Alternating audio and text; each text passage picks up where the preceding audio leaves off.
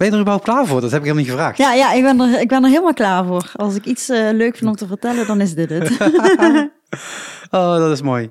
Uh, ja, dit is gewoon weer een Shark Talk. Uh, nummer 93 volgens mij stond op de foto. Volgens mij wel, ja. Ja, en met beeld. Dus voor iedereen die luistert en denkt, oh nee, ik wil wel met beeld. Ja, dat, dat kan dus. Gewoon op YouTube en Facebook en al die zooi staat dat online.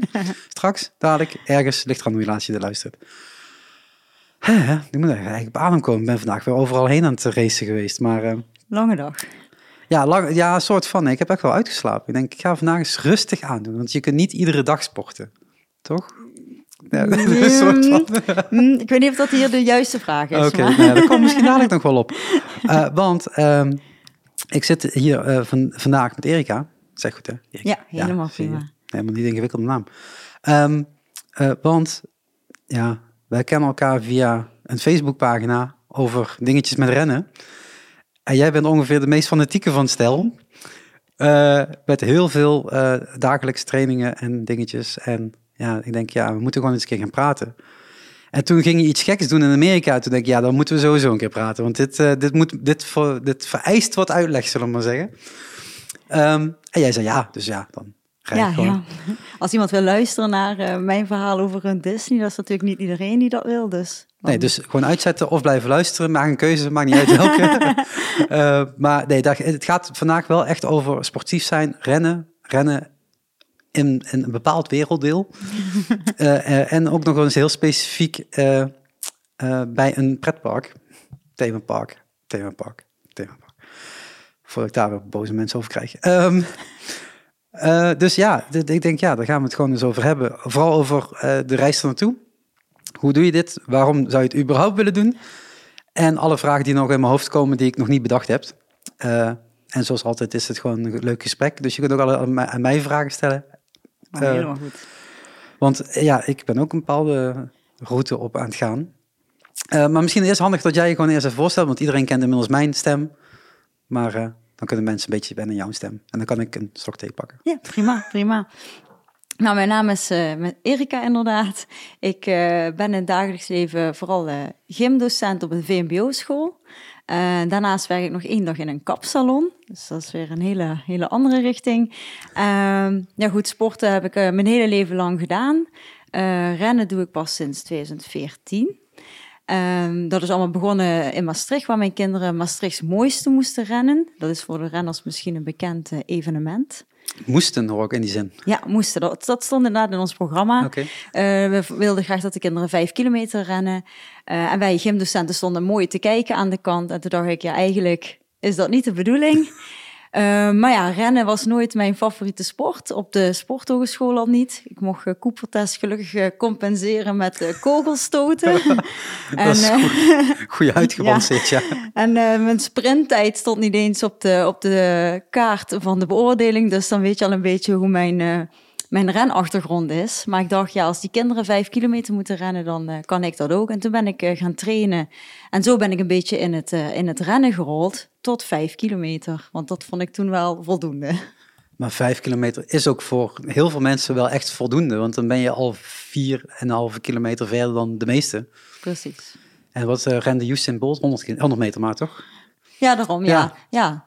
Alleen die stond waarschijnlijk wel met zijn tijd op de kaart. Ja, ja uh, was vooral van de kaart af op een gegeven moment, volgens mij. Zo snel ging die. Ging, ging die. Uh, nee, maar ja, als je nou zegt vijf kilometer, dat klinkt voor heel veel mensen heel ver. Mm -hmm. Maar je zegt al, de kinderen rennen dat ook. Uh, ik denk als je ze gewoon een keer buiten op een speelplek gooit, dat ze ook wel vijf kilometer bij elkaar kunnen rennen. Um, maar dat is echt zo'n zo'n zo'n zo'n target wat voor de eerste eerste set ook goed is of zo. zo van, het is net ver genoeg om goed moeten worden. Ja, precies, precies. De eerste keer dat ik ging rennen was ook echt... Uh, ja goed, dat deed ik toen met mijn hond nog destijds. Ik dacht, dan heb ik een leuke motivatie. Um, maar de eerste keer rennen, na 2,5 kilometer rennen, dacht ik echt... Wat ben ik nu weer aan begonnen? dus toen uh, dacht ik, oké, dat moet ik echt opbouwen. Daar had ik ook helemaal geen schema voor. Ik dacht, ik ga gewoon rennen en ik zie het wel. En um, toen ik dacht, ja, oké, vijf kilometer, dan moet ik wel echt heel vaak gaan oefenen om dat überhaupt te halen. En dat ben ik dus gaan doen. En zodoende dat ik wel gelukkig mijn leerlingen die heel snel rennen in het begin, op een gegeven moment voorbij rennen en dan kan zwaaien, omdat zij helemaal uitgeput zijn. En dan kom je toch als uh, gymdocent wel goed over de streep natuurlijk. Maar op dat moment was vijf kilometer ook echt dat ik dacht, dit is gewoon het hoogst haalbare voor mij en ik vind dat prima. Dus uh, ja, dat was op dat moment ook goed. Maar je zegt al, je bent gymdocent, je hebt een beetje een idee hoe het zou moeten, zeg maar. Um, toen ik begon was het echt zo'n, ik heb daar nog wat sportkleding liggen. Dat trek ik aan en dan begin ik met rennen. Ja. Ik heb vanochtend nog even opgezocht. Volgens mij ergens kwam ik rond de drie kilometer uit. Uh, en dat deed ik dan gemiddeld 10 minuten over per kilometer. Oftewel, je wandelt. um, uh, er komt wel wat bij kijken. Het is niet zo dat je zegt van nou, ik ga even die vijf doen. Toen jij begon, was dat, eh, had je wel meteen al gewoon run gear, eh, ik weet wat ik wil en, en dat? Of is dat ook Ja, het, voordeel van gymdocent zijn is dat de sportkleren natuurlijk wel in de kast hangen. Uh, ja, en, en renschoenen, sportschoenen heb je altijd wel, want dat, dat doe je ook je andere bewegingsvaardigheden mee. Vooral als je met die kinderen naar buiten gaat. en uh, ja, verder dacht ik van, ik ga gewoon proberen met de spullen die ik heb. En dan ondertussen merk je van, oké, ik vind het wel leuk, ik wil wat meer. En als je dan de eerste keer zo'n wedstrijdje rent, daarna denk je natuurlijk, oh, ik ga misschien eens wat spullen aanschaffen. Dat is ook af en toe wel nodig, zal ik zo zeggen. Want je merkt wel als je, als je wat vaker rent, dat die schoenen niet zo blijven als de eerste. Nee, precies. En vooral um, als je natuurlijk een beetje hebt gerend, dan merk je dat het heel veel impact heeft op je benen en op je voeten. En dan wil je ook wel even inlezen welke schoenen daar wel geschikt voor zijn. Uh, maar ja, je zegt al, je hebt die, eh, de, de, de achtergrond mee, dus dat helpt al wat, wat makkelijker met zoeken. Waar, waar kunnen mensen het meest het eigen trekken? Is dat gewoon YouTube en dan gewoon al die filmpjes afkijken? Ja, ze, ze raden natuurlijk de meeste mensen aan om uh, een, een analyse te doen van je voeten. Ik heb hier een hele leuke hond rondlopen. Ja, die zie je net wel, net niet op de video. Ligt een beetje aan hoe ik hem ga, ga inkleuren, denk ik. Echt donker af en toe. Maar uh, ja, het is gewoon aan te raden dat als je voor het eerst gaat rennen, uh, iedere voet is anders. Uh, er komt ontzettend veel demping op je knieën te staan. Eh, sommige mensen hebben zelfs zonder dat ze weten misschien een platvoet of lopen naar binnen. dus het is gewoon aan te raden om een, een analyse te doen van je voeten. En daaruit kun je altijd gaan kijken van, goh, past deze schoen bij mij? Vind ik dit fijn? Of wil ik misschien toch iets anders wat beter bij mij past? Maar het is echt trial and error, zal ik maar zeggen. Ja, en je merkt snel genoeg als het pijn doet, zal ik het zo zeggen. En Helemaal, dan, en dan ja. is het toch heel vaak tot het bij de schoen begint, zeg maar. Ja, ja heel vaak. Uh, want uh, bij mij was het ook de, de, de, verkeerde insteek dat ik denk, ja, maar dit ligt gewoon aan mij en mijn gewicht. En uh, het feit ik, ja, ja, dit doe ik ook maar voor de eerste keer of voor de tiende keer op dat moment of weet ik veel wat. En dan trek je andere schoenen aan en denk je, ah, het lag dus niet aan al die andere factoren. Het is nee, gewoon echt, kan een wereld van verschil maken. En soms uh, is dat ook best wel prijzig, uh, uh, een goede schoen. Maar uh, dat is uiteindelijk wel de basis die je wel nodig hebt om fatsoenlijk te rennen. Want zonder goede schoenen, ja, dan gaat het misschien mis of loop je een blessure op die je natuurlijk voor de toekomst wil voorkomen. Ja, maar wat ik wel merk bij, bij heel veel mensen die zeggen van ik, vind, ik, ja, ik wil niet gaan rennen, want ik heb last van de knieën of hè, allemaal terechte dingen. Vooral niet doen als het niet gaat. Uh, maar, maar ook, um, ja, maar wat, wat is goed? Ja, maakt eigenlijk niet uit, toch? Je kunt een kilometer rennen, je kunt tien rennen, je kunt er veertig rennen. Gewoon rennen, gewoon eens beginnen. Gewoon kijken hoe ver je komt. Misschien is het 100 meter en dan back af zijn, zoals ik was. Nee, precies. En heel veel mensen zeggen ook, ik heb ook heel veel collega's die zeggen ook, ja, ben gaan rennen. Ik heb het drie keer gedaan, ik vind er niks aan. Of het lukt me niet, of ik vind het te zwaar. Um, en wat je vooral merkt, mensen moeten echt gewoon een paar weken gaan rennen. En op een gegeven moment zie je ook dat er wat verbetering komt, dat het wat makkelijker afgaat. En dan ga je ook zien dat het leuker wordt. Ik ren al drie jaar. Het, het wordt niet makkelijker. Niet makkelijker, nee. ik uh, heb heel veel kilometers dus afgelegd en ik ga soms ook naar buiten en ik ga rennen en dan denk ik, dit was echt uh, niet wat ik wilde. Ja. Dus het kan, ja, rennen kan makkelijker worden, maar betekent niet dat het altijd, altijd leuker of altijd makkelijker gaat. Nee, ja, ik vind dat altijd, dat als, ik bedoel, als je op een gegeven moment wat vaker dat aan het doen bent, dan kun je wel zeggen dat je een een renner bent, zal ik het zo zeggen. Ik bedoel, ik ben echt niet de snelste renner, laat dat duidelijk zijn. Maar ook niet met de traagste. Maar inderdaad, heel veel mensen die dat daar toch wel een, een drempel vinden. En als je dan zegt vijf, oh, dat is vijf, vijf is veel. Ja, maar niemand zegt dat je op de eerste dag vijf moet rennen. Hè? Precies. Laat staan aan één stuk, laat staan snel. Dat zijn allemaal nog verschillende stapjes. Ja, en iedere kilometer telt uiteindelijk. En wat ik ook heel vaak tegen collega's zeg, of mensen of vrienden om me heen, eh, die zeggen, ja, hoe begin je dan? Ja, sommige mensen gaan meteen in de straat op die rennen rondje, voelen zich heel erg bekeken vooral, hè, voor mensen die uh, Mhm. langs rijden. Ja, wij wonen hier eh, bij een heel mooi natuurgebied. Ik zou zeggen, trek die schoenen aan, eh, je sportkleren en ren eens een stukje in het bos. Je hebt wat om je heen hè, om te kijken. Je ziet vaak dieren, eh, vogels die fluiten. Je kunt zelfs je muziek opzetten als je dat fijn vindt. Maar het is een heel ander stukje waar mensen zich minder bekeken voelen en ook sneller afgeleid zijn. En daardoor wordt rennen soms wel veel leuker of iets makkelijker, omdat je niet de hele tijd in je hoofd zit. En een zachte ondergrond, wat voor veel ook wel fijn is. Profijt. Ik ren alleen maar op, eh, eh, op asfalt. Dus voor mij is dat, ja, ik ga gewoon niet het bos in.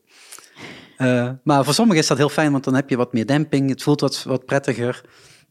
En de natuur, het ademhalen is ook een stuk prettiger dan langs auto's. Ja, uiteindelijk moet je zorgen wat je, of gaan kijken wat je zelf leuk vindt. Ja. Waar heb je plezier aan? Heb je ook plezier inderdaad aan een podcast luisteren onderweg? Of juist die muziek heb je nodig? Of misschien helemaal niet? Heb je een maatje nodig? Heb je geen maatje nodig? Er kan zoveel Mhm. verschillen in wat jij leuk vindt. Maar je moet alles wel een kans geven eh, om het te laten slagen. En als je wil gaan rennen en je wil het een kans geven, moet je alles gewoon eens proberen. En dan vind je zelf wat je leuk vindt. Ja, ik, was, eh, ik heb een, een tijdje gerend met, met iemand, een goede vriend van mij. Die vond het minder leuk dan ik. Nou, prima, geen, geen punt. Ik ren liever alleen, want dan heb ik mijn eigen tempo, mijn eigen dingetjes en dat soort dingen. Ehm, dus ja, je kunt dat op zoveel verschillende manieren na het invullen. Sommigen die pakken gewoon een heel rengroepje met tien man, eh, gaan, ze, gaan ze op zondagochtend om zeven uur... eh, Ja, ja die kom je ook tegen, ja. ja, ik niet, want ik eh, ren niet om zeven uur 's ochtends. Maar nee, dat, ja, ik, ik ben wel echt, ik hou wel echt van 's morgens rennen inderdaad. En vooral hier op de hei waar nog het 's morgens de reeën in het veld staan. Dat vind ik natuurlijk het allermooiste om te zien. Maar daarom moet je inderdaad gaan vinden wat je, Ja. wat je ook echt bevalt. En de ene rent liever alleen. Ik ben ook graag alleen als ik ga rennen, want dat is gewoon mijn, mijn eh, afschakelpunt. Ja, dat kan ik me goed voorstellen. En als je dan al de, eh, nog de hele dag voor je hebt, ook waar je weer allemaal dingen moet doen. En je doet dat 's ochtends in je eigen tempo, ritme, opstart. Precies, ja. Ja. Ehm, je zegt al, dan, dan ga, je, ga je vijf kilometer rennen. Ergens heb je dan zoiets van, ik vind het eigenlijk wel leuk. Want dan ga je geen vijf kilometer rennen, laat het eerlijk zijn. Ja, En dan? Ja, op het moment eh, dat ik begon met rennen, ben ik inderdaad, eh, ik, ik was eh, ook een, een stukje flinker in die tijd. En toen ging ik rennen en toen merkte ik ook dat dat heel veel effect had op mijn lichaam. Eh, ja, dus dan vind je het nog leuker, want er is nog een bijeffect natuurlijk. Die niet heel vervelend is, zullen nee, we zeggen. Ja. precies, precies. Ehm, ja goed, en dan ga je vijf kilometer rennen. Dan ga je eens om je heen kijken van, goh, ja, wat wil ik daar eigenlijk mee? Wil ik alleen met die kinderen rennen of is er meer te doen? En uiteindelijk eh, ren je dan een paar keer het zomerstriks mooiste. En dan komt er iets anders op je pad. En denk je, maar dat is leuk. En dat was eh, de eerste wedstrijd die georganiseerd werd in eh, Disneyland Parijs. Ja, want mensen, daar gaat het weer over. Degenen die het fotootje hebben gezien, hebben het al kunnen zien. Er staat niet, niet Disneyland Parijs op, maar dan zag je het thema. Maar dan komt dat op je pad. Hoe komt dat op je pad? Is dat gewoon... eh, Ja, ik, Wat van eh, vertellen? Toen ik een, een beetje in het rennen eh, ja, ging verdiepen, toen kwam ik natuurlijk ook bij heel veel bekende mensen. En er waren een paar radio-dj's en een paar dames die eh, via YouTube bekend waren. Die gingen meedoen met de halve marathon van Disneyland Parijs. En dat was echt een week voordat het, dat begon, kwam ik daarachter. Dus die hadden daarvoor getraind en eh, die lieten dat allemaal zien. En ik zag die filmpjes. Ja, uiteindelijk was die race ook. Heb ik daar weer filmpjes van gezien. Eh, Michiel Veenstra is daar eentje van, die Mhm. eh, mee heeft gedaan. En Domien heeft meegedaan en nog een paar andere dames die ik dan volgde via Instagram. En toen dacht ik, ja, maar dat is wat ik wil. Dat lijkt me zo leuk dat ik in Disney kan rennen. Maar je kunt natuurlijk ook de 5 kilometer of de 10 kilometer rennen. Maar toen dacht ik van ja, als ik dan ga rennen, moet ik een doel stellen. En wat heb ik nog niet gerend? Een halve marathon. En toen ik mijn moeder dat vertelde, dacht ze: nee, dat, ga je een halve marathon rennen? Jij die rennen nooit leuk vond, ja, ga het maar doen. Laat maar zien eh, of het lukt. En zo is het een en beetje van begonnen. ja. 5 naar 21 is ver, mensen. dat is echt nog wel een afstand. Dat is inderdaad eh, een heel groot verschil. Maar je hebt een doel. Precies, precies. En verander je dan uh, in hoe je, hoe je aan het rennen bent? Is dat dan letterlijk een ander soort run die je iedere dag doet? Ja, het begint natuurlijk als je een beetje in het rennen zit, dan ga je uit de deur en denk je, oké, ik ga gewoon rennen en ik zie wel hoeveel het vandaag wordt. Ja, dat is of, een beetje... of, een kilometerdoel stellen of je tijdsdoel ja, stellen, een beetje afhankelijk van. En meestal is het bij mij, nou, ik wil vandaag gewoon lekker rennen en ik, wil, ik hou wel van de hele getallen, dus het is altijd een vier of vijf of een zes en een half. Of in ieder geval je dus, watch uh, op het juiste moment stopzetten en daarna alsnog rennen. Ja, precies, zo'n dingen. maar ik ben inderdaad ook van de, van de hele getallen, dus dat was het vaak en dan ging ik rennen. Als het goed ging, ja, dan was het uh, dan eens een keer een zes. Um, ik had wel eens een keer al buiten uh, uh, wat langer gerend, hè, 10 kilometer, omdat het dan een keer heel goed ging. Maar ja, ik heb ook dagen erbij dat ik na drie kilometer dacht, dit gaat hem gewoon niet worden. Maar op het moment dat je een schema voor jezelf gaat maken en je weet dat er op een bepaalde datum dat doel is om die halve marathon te rennen, dan voel je ook wel dat je iedere keer wil werken naar dat doel. En het mooie van die eerste keer was dat je iedere zondag, of in ieder geval niet iedere zondag, maar om de zondag ging je een stukje verder rennen dan dat je de vorige keer had gedaan. Dus waar je een keertje 12 had gerend, ging je op een gegeven moment 14 rennen. En dan kwam er een zondag dat je 15 ging rennen. En dan kwam een zondag dat je 16 ging rennen. En dan kwam een zondag dat je 17 ging rennen. En dan ren je tot 18 en toen dacht je, oké, de volgende stap is de halve marathon. Dus op het moment dat je zoiets gaat rennen en je komt ook verder in die race dan dat je ooit getraind hebt, dat gevoel, ja, dat is onbeschrijfelijk. Want dan ga je over je eigen ja, kunnen heen voor jouw gevoel. Je gaat zoveel meer doen dan dat je dacht dat je kon. Maar dan, dan ben je vijf ging, zes ging, dat, dat heb je al een keer gedaan. Je hebt dat videootje gezien, dat wordt gepost, zeg een paar weken nadat die race is geweest dacht je toen, ik ga hem ook het jaar daarna rennen. Ja. Dus je wist, ik heb 52 weken, min nog een beetje aan het begin, zeg maar, plus niet de dag zelf. Dus, die, dus je hebt ergens, zeg, 45 tot 48 weken tijd. Ja, en op dat moment denk je eerst ook, oké, ik ga eens even uitzoeken hoe dat zit. Is dit ieder jaar? Hoe werkt dit? Uh, hoe oh moet ik me inschrijven? Ja, ja. Het, is al, het was allemaal nieuw, want het was toen de eerste keer, uh, 2016 geloof ik. Het was allemaal nieuw, dus ik wist helemaal niet hoe het werkte. Maar dan ga je dat uitzoeken. En toen kwam ik erachter, oké, bellen. Meteen bellen naar Disney, ik wil me inschrijven. Geboekt, alles gedaan. Ja, en dan weet je, oké, ik heb het nu vaststaan. nu moet, nu moet ik ook echt gaan trainen. Maar omdat je iets zo, ik wilde het zo graag, vind je het ook echt heel leuk om daar naartoe te werken. Want je voelt gewoon dat je groeit en dat je beter wordt. En je denkt, hoe ver is het als ik dadelijk over die streep ga en kan zeggen, ik heb een halve marathon gerend. En Disney ook eens een keer. Ook nog. Op plekken waar andere mensen niet mogen komen. Ja, eh, misschien moeten we even wat context geven aan Disney. Misschien, want dat hebben we eigenlijk helemaal overgeslagen. Komen we dan weer terug op dit, eh, op dit gedeelte. Waarom Disney? Waarom niet gewoon uh, Rotterdam, Amsterdam? Uh... Um, ja, Disney heb ik altijd heel erg leuk gevonden. Um, mijn vader zat vroeger bij de marine. Dus als hij naar Amerika wel eens ging, dan nam hij me ook altijd alle videobanden. Videobanden hadden we vroeger. Ja. Uh, die nam hij me ook allemaal mee. Dus ik had heel veel films. heel vaak met mijn moeder ook naar Disney geweest. Um, uiteindelijk uh, ook met mijn man uh, een paar keer in Disney geweest. Uiteindelijk heeft hij mij daar ook ten huwelijk gevraagd. Ah. En dat is gewoon altijd een plekje wat ik gewoon heel leuk vond. De sfeer, de muziek vooral van de film spreekt me altijd heel erg aan. Ja, en toen ik dacht, ja, als rennen en het stukje Disney samen kan komen, ja, dan is dat hetgene wat voor mij op dat moment het ultieme doel was. En toen dacht ik van ja, dit, dit wil ik. Ja, eh, in Amerika wordt uh, Run Disney al langer gedaan. Ja, uh, ja. 2016, wat je zegt, was het voor het eerst in Parijs. Daarvoor kon je ook niet bedenken dat je kon gaan rennen door Disney. Ik bedoel, dat, nee, helemaal niet. Dat werd helemaal niet in een, in een park gedaan. daar had je gewoon, hè, Rotterdam kon je rennen en Amsterdam kon je, kon, kon je rennen en dan nog wat, wat andere dingen natuurlijk die bekend staan, zou ik het zo zeggen. Maar Disney en rennen associëren met elkaar, dat, dat, uh, dat heeft een lange tijd geduurd, zullen we maar zeggen. En nog steeds heel veel mensen die het nog niet weten. Ja, Want als je het soms vertelt, dan denk je, hè, kan dat? Mijn leerlingen zeggen vaak, hè, kan ik door Disney rennen? Ja, dat kan. Nou, moet je gewoon 27 jaar werken met het salaris wat je nu verdient en dan kun je dat betalen.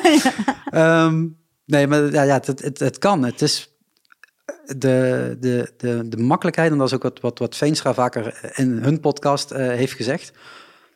Het wordt niet makkelijker. De, Disney, de run Disney is zo toegankelijk. Je mhm. kan bijna iedereen naar meedoen als je weet wat rennen is. Precies. En meer hoef je niet te weten, je hoeft niet te kunnen. Gewoon, je moet iets, iets sportiefs aantrekken en die kan op gaan. Dan lukt dat wel. en geld hebben, want het is niet goedkoop. Ehm, dan zeg je van nou, dan, de, de, dat, dat, dat, dat komt allemaal samen. Hè? Eh, eh, het rennen wat al lukte, eh, de, de voorliefde voor Disney. Je hebt je aangemeld, je hebt de target gesteld. Dan ga je ergens eens plannen over hoe je in die 48 weken bijvoorbeeld je doel kan bij, bijstellen. Want je doel was eerst ja, 5 kilometer moet kunnen, ja, 6 kilometer moet kunnen. Nu moet het opeens 21 kilometer kunnen. Heb je daar ergens adviezen in gewonnen of is dat gewoon online zoeken? Ja, en eh, ondertussen ben ik heel erg gegroeid. Maar in het begin is precies wat je zegt. Hoe ga je dat aanpakken? Ja, het eerste wat je dan doet is bijvoorbeeld kijken op sites als van de Runners World of uh, van bepaalde rensites. Kijken wat zij voor schema's hebben. Um, daar heb ik gekeken naar uh, een schema voor de halve marathon. En dat ben ik eigenlijk een beetje gaan aanpassen naar de dagen dat ik sport of de dagen dat ik ging rennen. Nou, dat waren drie dagen in de week. En zo heb ik het eigenlijk een beetje aangepast uh, zoals het voor mij werkte. Zodat ik altijd op zondag de lange run deed en dan nog op, uh, ik geloof toen de dinsdag en de donderdag de andere twee runs. En als je dat schema af hebt, dan was het enige wat ik nog dacht van nou, als ik dit volg, dan kom ik er wel. Want het bouwt zich op, dus dan zal er uiteindelijk... Ja, ja dus, dan zal het uiteindelijk goed komen. Ja, dat is, dat is natuurlijk ook zo'n zo, zo, zo'n dingetje van je, je gaat niet 21 in één keer rennen. Die drempel die moet je voor jezelf echt niet neerzetten, want dat is waanzin. Dit gaat in stappen. En soms heel traag en soms heb je een terugval en soms gaat het net wat mhm. makkelijker, omdat je wind mee hebt, bijvoorbeeld. Ja, uh, ook. maar een andere keer heb je wel echt, echt wind tegen en dan denk je ook van, dit, ja, ik kan nu wel gaan rennen, maar dit heeft echt vrij weinig zin voor niemand niet. Totdat je er doorheen rent en dat je denkt, ik ben wel sterker geworden ten opzichte van de vorige keer. Ja, ja, ja. Dus dat helpt natuurlijk ook al. Nederland is natuurlijk een, uh, niet, niet zozeer een renland, denk ik. Hè? Door, uh, in de steden wordt wel wat gerend in, in de parkjes en dat soort dingen. Ja, precies. Um, je gaat hier naar buiten. Dat is redelijk heuvelachtig. Ja. in Lim de Limburgse termen het zijn bergen hier. Ja, ja heel verschil. Um, heb je daar dan moeite mee? Als een zijnde van, ja, maar hier staat ook 7 kilometer moet rennen. Dat zou best makkelijk moeten gaan. Maar dan begin je hier een berg op te rennen en denk je nou, dat is lang zo'n 7 kilometer. Ja, in het begin, uh, ik, ja, wat ik al zei, ik ren heel veel op de hei. Dat bestaat sowieso uit heel veel uh, bergjes, maar ook heel veel los zand. En dan weer een stukje asfalt, uh, dan weer een stukje grind. En wat ik heb gemerkt, ook nadat ik getraind heb voor die halve marathon, doordat je op zoveel verschillende manieren traint en ook die bergjes meepakt en ook de verschillende ondergronden, uh, lukt het ook om op andere plekken te rennen. Want als jij een vlakke run ergens te doen als race, dan is het alleen maar makkelijker, want dan hoef je niet die bergjes op. Dan zijn ik mensen die trainen alleen maar op platte uh, grond of bijvoorbeeld uh, op een atletiekbaan. En als je dan gaat rennen en je komt een berg tegen, dan, ja, dan wordt het wel dubbel zo zwaar. Dus als je dat in je voorbereiding wel meeneemt, ja, dan heb je alleen maar voordeel in mijn ogen als je een race gaat rennen. Maar zet je dat dan ook in dat schema? Tot je, tot je zegt van de ene keer wil ik wat vlakker rennen en de andere keer wil ik...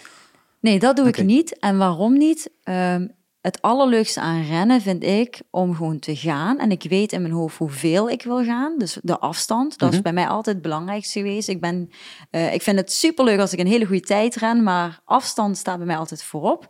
En als ik die afstand ren, dan ben ik ook heel blij dat ik dat gedaan heb, dat het gelukt is. Uh, maar het leuke aan rennen vind ik dat ik ga, ik ga de deur uit of ik ga de hei op of het bos in, wat dan ook. En als ik zeg ik ga dit pad in of deze straat in, dan ga ik die straat in.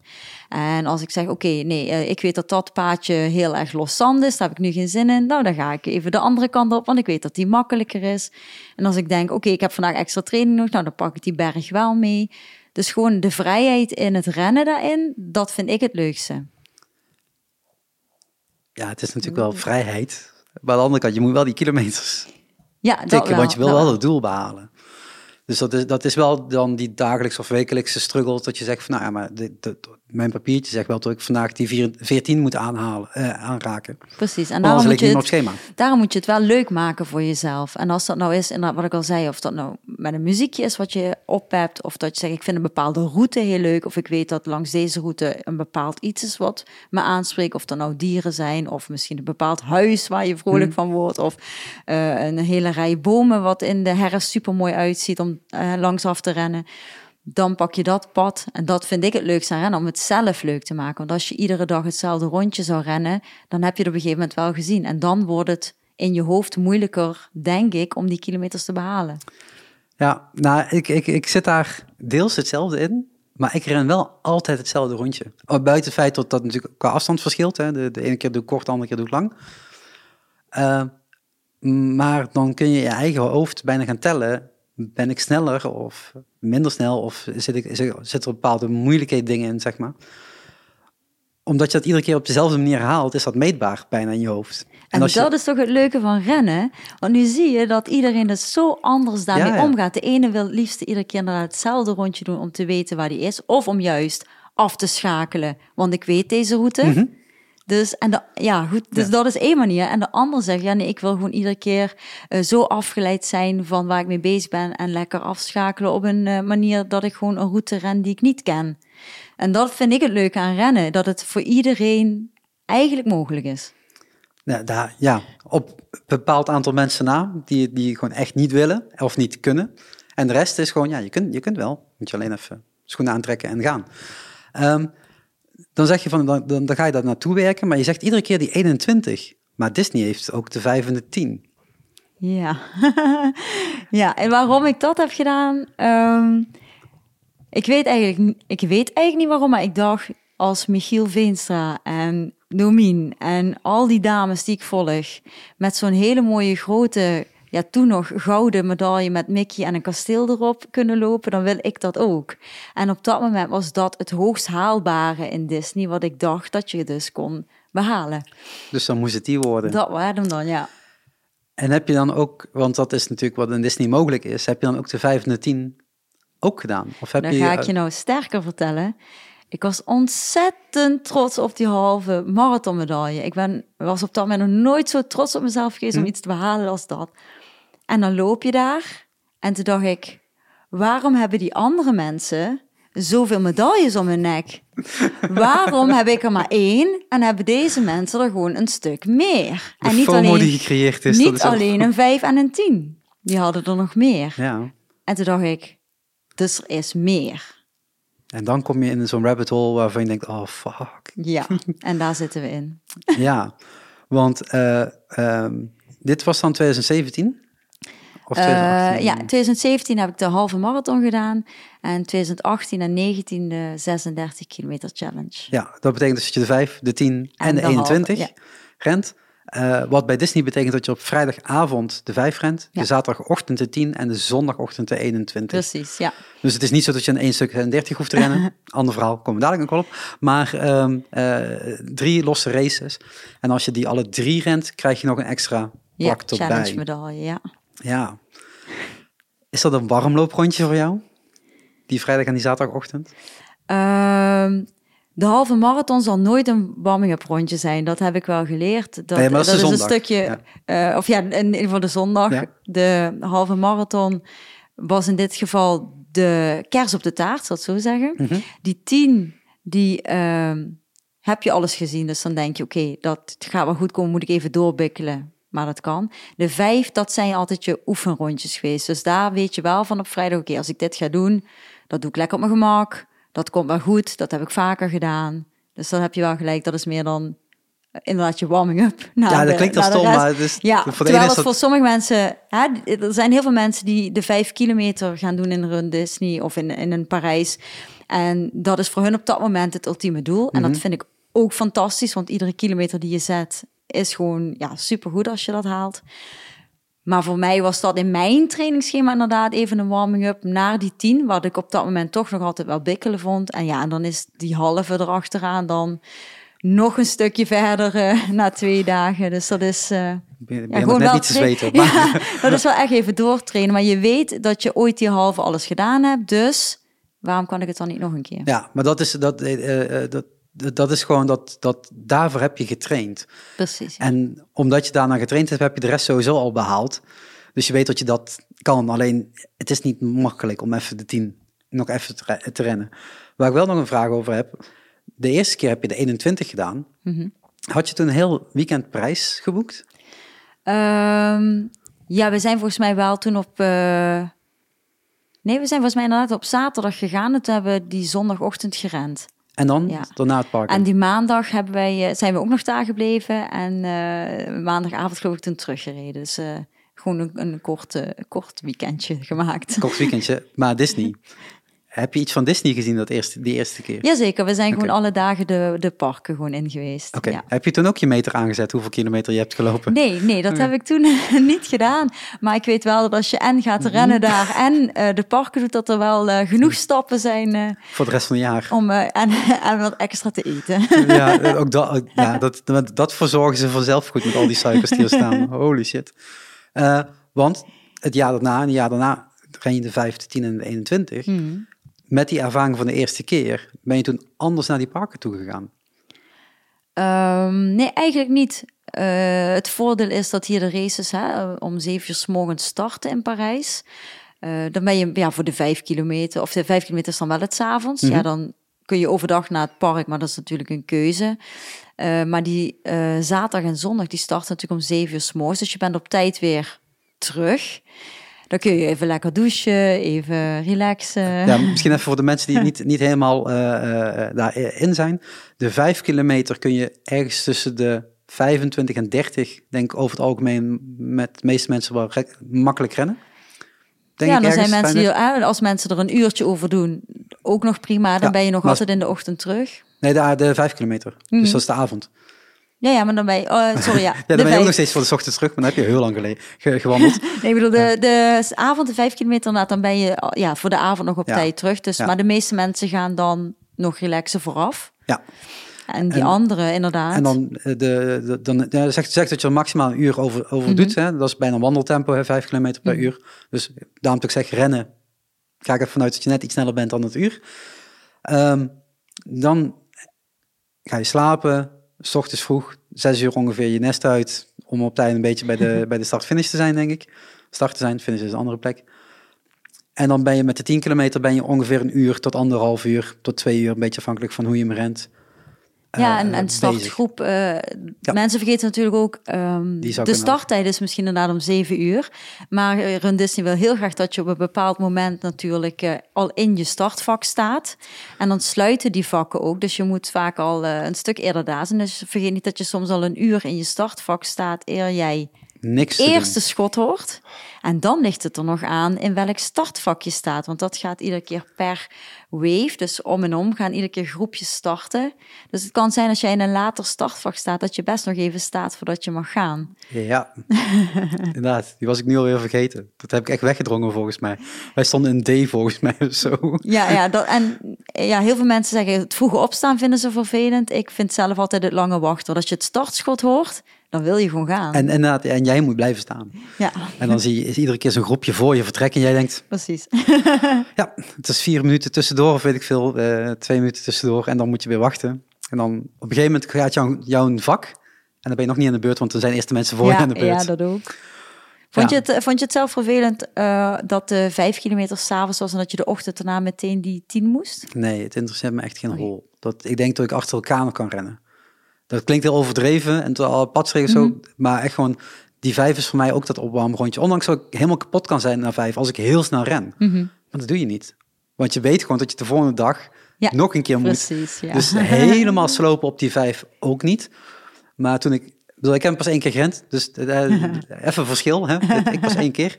Eh, eh, goede vriendin van mij was mee, Antoinette. En volgens mij heb ik daar wel of geen podcast over opgenomen, weet ik niet meer. Maar ehm na binnen een kilometer zei ze al van ga maar, want jij rent zo snel. Mhm. En ik had die focus, oordopjes in, of één oordopje in, ik weet niet meer hoe ik toen, eh, toen heb gerend. Muziek aan, rennen, rennen, rennen. Terwijl ik iedereen om me heen zag ik op een gegeven moment wandelen en stoppen voor fotomomenten. Terwijl ik wil door. Dus op een Ja, gegeven moment ben je echt tussen groepen door aan het rennen die al Mhm. voor je zijn vertrokken. En op een gegeven moment was ik bij mensen die een A begonnen aan het inhalen. Toen ik denk, Ja. wat heb je gedaan dan? Ik ben, ik ben niet zo snel, toen zeker niet. Nu nog steeds niet zo, maar gewoon als een zijnde van, wat heb je gedaan in die, in die hele tijd wat je net noemt? Mhm. Al die minuten dat, je, dat, dat hun al vertrokken zijn. Ja, dat zijn mensen die of willen wandelen, of willen genieten, of eh fotomomenten willen meepakken. Want dat is bij Disney natuurlijk extra bijzonder. ja, ja, dat je met allemaal characters op de foto kan. Maar ja, dat staat een rij. En moet je dus wel wachten. En Mhm. ben je dus niet aan het rennen. En ik kom om te rennen, niet om te wachten Ja, of om op foto's te staan. Dus ik heb ook de hele, hele eh, eh, kasteel heb ik volgens mij niet gezien. Doorgerend. doorgerend. En ergens voelt het ook wel goed als je mensen van eerdere startvakken inhaalt. zolang er mensen voor je rennen en daar kun je naartoe rennen, dat, dat helpt. Dat is echt ook hoe Precies. iedere sporter natuurlijk het heeft. Ik bedoel, dit, eh, deze periode is eh, Olympische Spelen bezig. Mhm. En dan zie je zo vaak ook met schaatsen dat ze eigenlijk willen dat de ander net nog dat laatste rondje voor ze eh, schaatst, zodat je daar nog heen kan. En dan eroverheen, erop eroverheen. En dan, ja, en dan precies. dat voelt heel goed. maar aan de andere kant denk je ook, ja, ben ik hier nou om te rennen of ben ik hier nou voor Disney? En dat is denk ik wel een, een dingetje in Disney wat heel lastig is. Voor iedereen zal het ook anders voelen. Ja, en, inderdaad. eh, ja. en wat je zegt, de eerste keer, je ging eh, voor die 21, je, die, die overleef je, die de, succesvol afgerond, je krijgt die medaille en je kijkt daar rechts langs en dan ziet er iemand met vier staan dat je denkt, fucker, dat is echt... Ja, hele, Ah, helemaal. Oh ja, toen ik dat zag, dacht ik ook van wat, wat is hetgene wat ik moet doen om die allemaal te krijgen? Ja, en dan eh, realiseer je dat die mensen er na drie races achter elkaar rennen. En dan denk je, ja, als ik al getraind heb voor een halve... Die dan andere kan twee ik- vallen er ook in, ja. Dan kan ik er misschien ook wel die andere twee eh, voorplakken. Maar je zegt, je past niet je, je, je dag erop aan. Dus dat betekent dat je dus op vrijdag al naar, eh, naar Disney bent gegaan. Misschien zelfs donderdag. Daar het park in gaat. Dan even nog een vijf rent. Dan een paar uur gaat slapen. Dan de tien gaat rennen. Dan weer, weer het park in. En dan de volgende ochtend de 21. En misschien dan nog een keer het park in. En ik weet niet als je dan maandag bent gebleven. Maar dan maandag weer park. Hoe? Hoe doe je dat? Ja, een voordeel is wel ehm, dat ons park eh, ja, best wel loopbaar is. En dan moet je toch wel heel veel stappen zetten, maar ehm, het is allemaal wel te doen. En als je dat niet wil, zou je eventueel nog met bussen natuurlijk naar het park kunnen gaan. Ehm, wij zijn hier wel eh, uit een heel sportief huis, dus eh, we zijn wel gewend om wel na onze runs ook nog te wandelen, hè, met de hond bijvoorbeeld. Dus het zit er wel al een beetje in, omdat als we een lange run hebben gehad, dat je die middag niet hier op de bank uitgeput gaat liggen, maar dat je nog iets gaat doen. En ik denk dat, dat je dat wel moet meenemen in je trainingen. En als je zegt van nou, ik vind eh, deze challenge echt heel leuk om te doen, hè, de 36 kilometer challenge, maar ik weet dat ik ook rust van mijn voeten nodig heb, zou je altijd besluit kunnen nemen, oké, ik ga die zaterdag niet het park in. Eh, ik doe het s'avonds nog lekker een rondje in, eh, bij de winkeltjes of ik ga nog even een beetje rond het water lopen. En je neemt die rust en na de halve marathon denk je, oké, nu heb ik alles behaald, dan ga ik nu het park in, want dan weet ik tenminste dat ik eh, alles heb wat ik wilde hebben. En dan kun je die keuze ook maken. Dus het moet echt bij je passen en bij je training. Maar het is goed dat je het wel zegt, want heel veel mensen realiseren zich niet dat als je in Disney bent, je alles wil zien, maar ook nog die runs moet doen. En dan moet je wel getraind zijn op die voeten. Ja, en als je alleen bent, oh, eh, eh, single of een duo zonder kinderen, dan heb je redelijk veel inspraak, denk ik. maar met kinderen kun je die zeggen, we gaan vandaag de hele dag eh, niks doen. Nee, dat, nee, nee. Dat, dat- is ook niet echt optie. Dus er is ook een keus voor mensen om te maken. Hè? Ga je inderdaad hè, met een heel gezin of zeg je nou, we nemen een, eh, een opa en oma mee waar de kinderen mee eh, op pad gaan. Ja, nog een Maar er keer zijn- 150 euro per ticket erbij. Ja, ja, het is allemaal niet goedkoop, absoluut niet. En dan is het soms eh, ja, een profijt dat je misschien inderdaad hè, alleen of met z'n tweeën gaat, want het kost allemaal veel geld.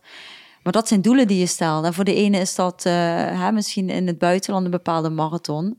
Alles kost geld. En als je echt dat doel hebt, dan weet je ook waar je voor spaart en waar je het voor doet. Maar realiseer je wel hoeveel eh, geld en tijd en trainen in alles gaat zitten. Ja, eh, de- want eh, wel, ik vind dat wel heel belangrijk om dat iedere keer te benoemen. Het verschil met Disney Run en met een andere run. Een andere run ga je, je gaat naar Berlijn, dan ga je rennen en je gaat naar huis. Nou, prima, een hotelletje gepakken en zo.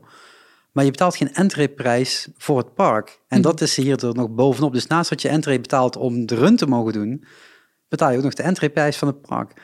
Dus je kunt ook zeggen van ik doe alleen de Disney Run. Ja, ja. Of Run Disney, ik vergeet steeds welke volgorde het ook was. Eh, weet ik niet meer. Ja, Eh, Amer- Amerika noemt het Run Disney Ja. inderdaad. Ehm, eh, zodat je, je kan dus ook zeggen van ik ga gewoon een, een, een partnerhotel pakken waar dus niet de ticketing in zit. Ik ga drie dagen hè, eh, eh, gewoon werken om die doelen te behalen. En ik pak dan nog één of twee dagen erachterna op het park, op het resort. En ik pak dan nog tickets, want dan kan ik de hele dag ervan genieten. Want ik, dat, ik vind dat wel zo'n struggle waar ik nu nog zelf mee zit. Zo van, ja, als je echt back-af wil of herstellen wilt op die zaterdag, dat is gewoon heel veel geld dat je weggooit. Ja, en eh, je kunt het inderdaad zo aanpassen zoals je zelf wil. Als je zegt, ik wil die runs doen en ik wil alles, ja, dan kun je ook zeggen, ik ga inderdaad eh, hè, toch tickets voor die zaterdag en die zondag en misschien nog de maandag blijven. Ehm, wat ik het fijnste vind, maar dat is persoonlijk. Er zijn natuurlijk ook hotels. En dan praat ik even over Santa Fe en Cheyenne. Dat zijn natuurlijk de twee uh, goedkopere hotels die meteen op loopafstand liggen van, uh, van het park, maar ook van de start. Uh, het fijnste is dat je het s'morgens vroeg daarheen kunt lopen. Want er rijden niet altijd overal de juiste bussen van de uh, zusterhotels naar de start. Ah, ja. En doordat wij, ja goed, ik vind zelfs Cheyenne heel erg leuk. Dus dan sta je s'morgens op. Je kunt uh, lekker lopen langs het water. Je loopt zo naar de start toe. En dan heb je van niemand, ben niet afhankelijk van iemand of van vervoer. Je kunt dat gewoon rustig lopen. Dan heb je een beetje een warming-upje gehad op je gemak. Want je moet eigenlijk nog genoeg wachttijd in die startvakken Kom toch weer uit, ja. Dus dat is alleen maar een voordeel als je natuurlijk in een van die hotels zit. Ja, en dat kan zo duur worden als dat je zelf wil. Hè? Want die hotels wat dichter bij de parken liggen, ja, daar betaal je ook echt heel veel geld voor. En dat is de keuze die mensen moeten maken. Wil ik parktickets? Wil ik een Disney hotel? Wil ik uh, misschien maar één dag, hè, bijvoorbeeld na dat ik alles heb gerend naar het park. Of misschien wil ik dat juist op die maandag doen. Dus je kunt het in principe zo duur maken als je zelf wil. Maar als je alles erop en eraan wil, ja, dat uh, zijn dat, kosten. Uh, tik, tikt aan. En als ja. je alleen bent, is dat een andere prijs dan met z'n tweeën of met z'n vier of met z'n zessen. Zeker weten. Dus uh, dat is inderdaad wel echt zo'n dingetje wat je, wat je mee moet, zou moeten nemen, zou Ja. mogen nemen in, in de afweging. Vijf is heel tof, 10 is heel tof, 21 is heel tof, Parijs is heel tof. Um, maar zoals je net al heel kort aanhaalde, het is niet alleen een prijs. er zijn meer parken van Disney. Uh, ergens in die jaren heb je bedacht, dit is, uh, dat die vier is te weinig. die vier plakken. En totdat er eens een keer Disneyland Parijs op staat. Uh, hoe neem, neem ons mee? Nou, dat was uh, eigenlijk de laatste keer dat wij de 36 kilometer challenge deden. Uh, volgde ik al ondertussen heel veel Run Disney uh, mensen op Instagram. En toen dacht ik, uh, er is ook dus een run in Disney World in Florida. En daar wist ik eigenlijk heel weinig van. Net als dat heel veel mensen niet weten dat hier in Parijs dat je kunt rennen. Wisten wij eigenlijk ook helemaal niet dat er zoveel runs waren in, in Amerika. En toen liep ik op uh, de expo en daar kwamen daar twee vrouwen aanlopen. En die praten inderdaad uh, Amerikaans. En die hadden een shirt aan. En op dat shirt stond dus Marathon Weekend uh, Disney World. Dus ik ging daar mee in gesprek. Ik denk, oh, daar wil ik wel meer van weten. En zij begonnen te vertellen over Dopey. En toen dacht ik, Dopey, ja, de dwerg van Sneeuwwitje. Wat heeft Dopey te maken met Run Disney? En zij vertelde mij dat zij inderdaad ook hè, een marathonweekend hebben. Naast nog heel veel andere runweekenden. Maar hun allerbekendste uh, renweekend is de uh, marathonweekend in januari. En dan kun je dus de vijf rennen, de tien rennen, de halve. Maar omdat het park daar zo groot is, hebben zij ook een marathon. En dat is ook het enige weekend dat je daar een marathon kan rennen. 42 kilometer mensen. Ja, en toen ik dat hoorde, dacht ik, er is dus meer. Er is meer dan 36 kilometer challenge. Er is dus ook nog een dopey challenge. En toen ik dat hoorde, toen ben ik dus inderdaad gedoken in het hele Run Disney gebeuren. Florida. Ja, en dan gaat er een hele nieuwe wereld open. Want het is leuk als je in Parijs kan rennen. het is ook leuk als je de andere kant van de wereld kan rennen. Ja, ik dacht alleen, uh, ja goed, ik zit in het onderwijs. Ik dacht, dat is niet haalbaar, dat is in januari. Wij uh, docenten krijgen wel een aantal dagen die je mag inzetten, vrije dagen. Maar ja, als je natuurlijk naar Amerika gaat, uh, je moet daar blijven, die runs doen, dat ja, kost ook heel veel dagen. En wat ik toen heb gedaan, is eigenlijk naar mijn teamleidster gestapt. En heb ik gezegd, luister, ik heb een droom. En heb ik er alles verteld over de Dopey Challenge en hoe tof mij dat leek en dat ik daarvoor wil trainen. En zij was zo enthousiast met mij dat wij samen hebben zitten plannen om in uh, 2021 was dat toen, de Dopey Challenge te kunnen gaan doen. Dus je hebt gewoon uh, tegen al die kids gezegd die je les geeft, we gaan nu alles wat je normaal in deze maand leert, gaan we in één dag proppen. Succes ermee. Gaat helemaal gesloopt zijn. Maar al die uren doen we even nu op uh, in één week tijd en dan heb ik daarna vrij. Ja, ik heb gelukkig Ongeveer. met haar uh, kunnen regelen dat ik die vrije dagen kon inzetten in januari. Um, ja, en dan begint er een, een heel groot moment dat je een trainingsschema aan elkaar moet zetten, waarbij je erachter komt dat het dus wel een zeven maanden trainen is om überhaupt uh, tot dat laatste doel te komen? Je ging van 5 naar 21 in een jaar. En je gaat van 21 naar 42 in zeven maanden. In principe, ja, als je het zo kort door de bocht zegt, dan, dan wel. Um, het traject tussen een 5 kilometer rennen en de 21, uh, daar hebben we wat jaartjes in ertussen gezeten om überhaupt uit te vinden dat er een run is ja, was okay, in Parijs. Ja. Maar om echt een doel te stellen, dat was inderdaad uh, in een jaar trainen. En toen ik inderdaad van dopie hoorde, dacht ik, oké, als ik een trainingsschema kan maken voor 36 kilometer, dan plak ik daar een marathon aan vast.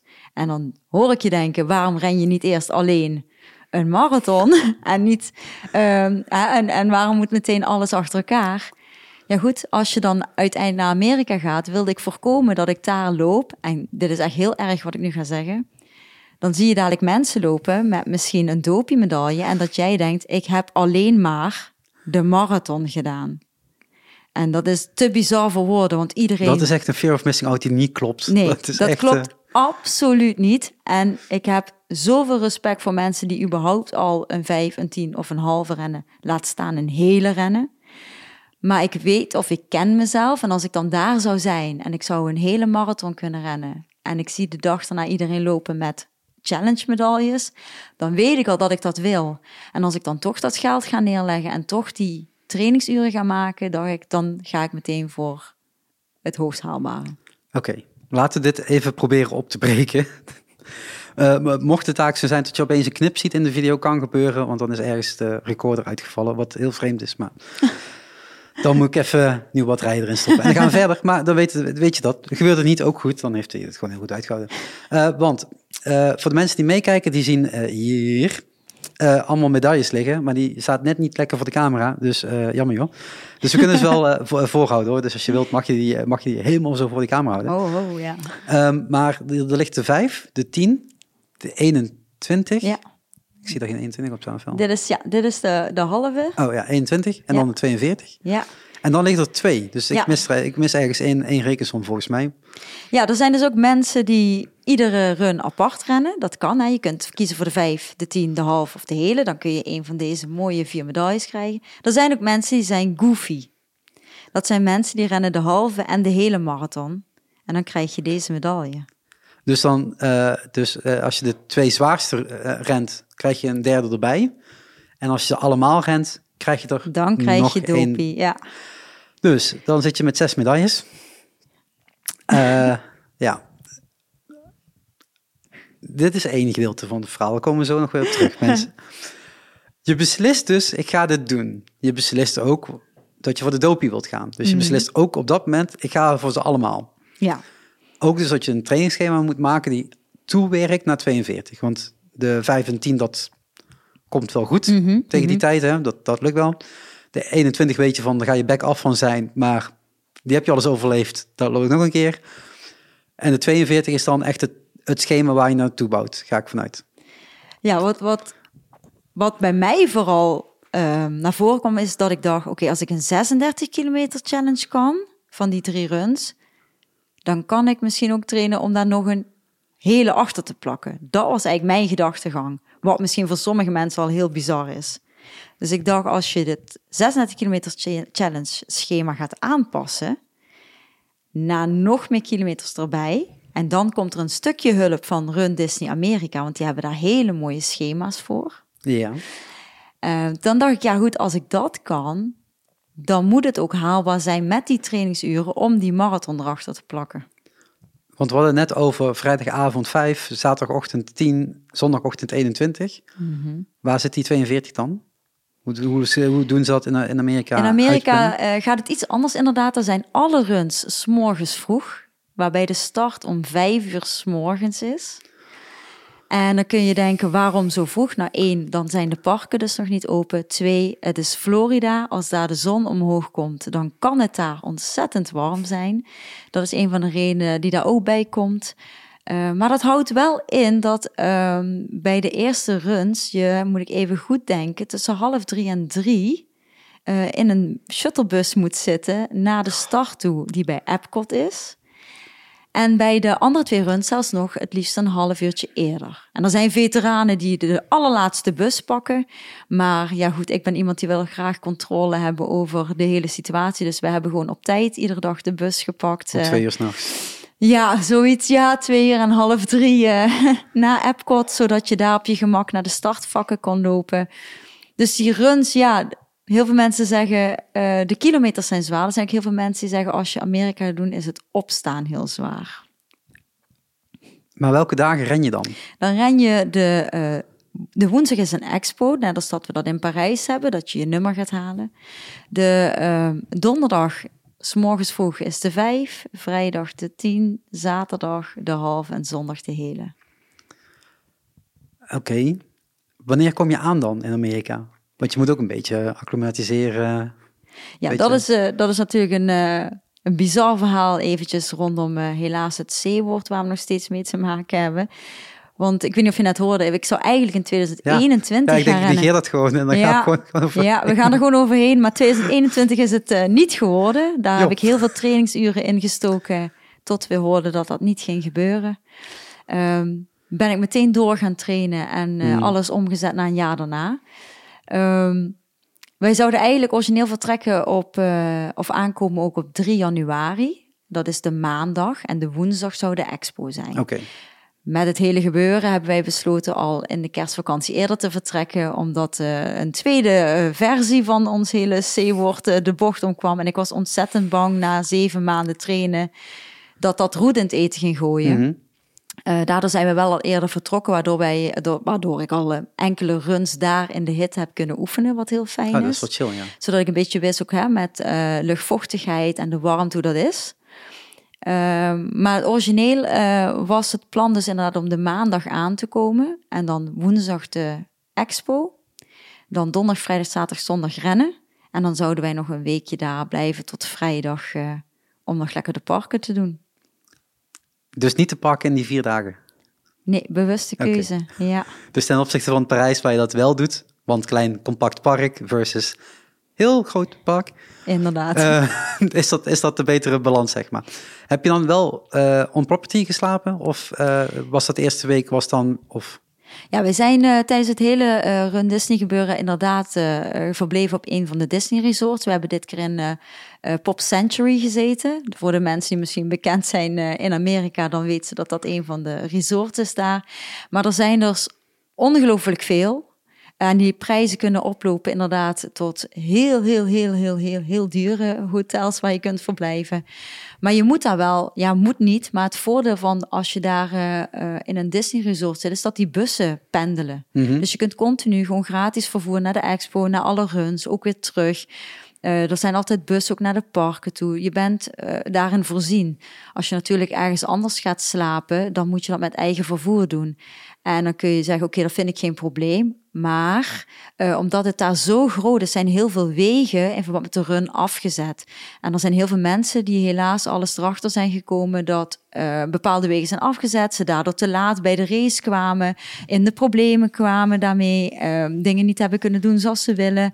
Ja, en je wil niet op een ochtend dat je weet dat je zeker bij een half of een hele marathon gaat rennen, ook nog die stress meeneemt.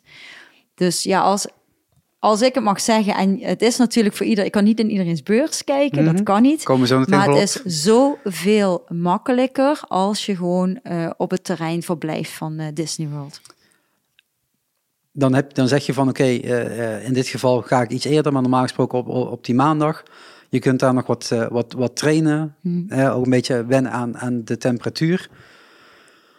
Hoe bevalt dan die eerste, die vijf? Want dat zou normaal gesproken een makkie zijn. Maar het is wel de eerste keer dat je vroeg opstaat. Het is de eerste keer dat je daar rent, ondanks dat je een beetje getraind hebt. Hoe, hoe is dat dan, die beleving? Ja, überhaupt al uh, om je even terug te nemen naar de expo daar. Sorry, dat is uh, helemaal nee, over. Dat want... maakt niet uit, maar dat is uh, hier in Parijs is dat zo'n hele mooie grote tent met een paar shirtjesrekken en daar kun je dan je nummer halen en je kunt je race shirtjes ophalen. Uh, dat is uh, in Amerika, zoals ze dat ook vaak daar doen, uh, ja, zoveel groter. Ehm, daar hebben ze een hele expo alleen al met van iedere run hebben ze shirts. Uh, er is allemaal merchandise. Uh, ik zal niet vertellen aan jullie hoeveel geld uh, ik daar heb laten liggen. Daar heb ik gelukkig heel lang voor kunnen sparen. Maar je kunt have finisher shirts van, van de Dopie, maar dat kun je ook van de Goofy. Je kunt dat van de marathon zelf. Er zijn marathon weekend shirts. er zijn mokken, er zijn drinkbekers, magic bands. verzin het, je kunt het er kopen en ik garandeer je, als je er loopt, wil je het ook heel graag hebben. Eh, hier in Parijs, noem ik het dan even, hier in Parijs, uh, staat zo'n Neptune stand, gewoon zo'n hard eh, plastic tentje, zeg maar. Dan loop je daar binnen, dan zeg je, hey, ik ben Sherik, ik heb een nummer. En dan krijg je je, je tasje mee, want meer is het niet. Dan loop je richting een, ja, hoe moet je zeggen, zo'n in-store store. Ja, precies, met een paar rekken. met, met, met ja, ja. vier vierkante meter. ja. Daar toevallig een kassa bij staat, want je stel je neemt het gratis mee. En dan sta je buiten. dat, ja. En ik, heb je ooit filmpjes gezien van de Expo in Amerika? Nee, maar ik, Je hebt dan in ieder geval, er is een complex, uh, een heel terrein, en dat heet World uh, Wide of Sports. Uh, ESPN-terrein is dat. En die hebben daar verschillende gebouwen staan. Nou, één gebouw is dus helemaal ingericht met Run Disney merchandise. Daar moet je al heel vroeg, dat was dit jaar echt een gekhuis, in de rij staan om daar überhaupt binnen te komen. En dan heb je hele leuke fotogelegenheden met ook allemaal borden waar uh, de uh, getallen op staan die je gaat rennen. Dus je kunt bijvoorbeeld met de 5 kilometer op de foto en dat is helemaal in Pluto.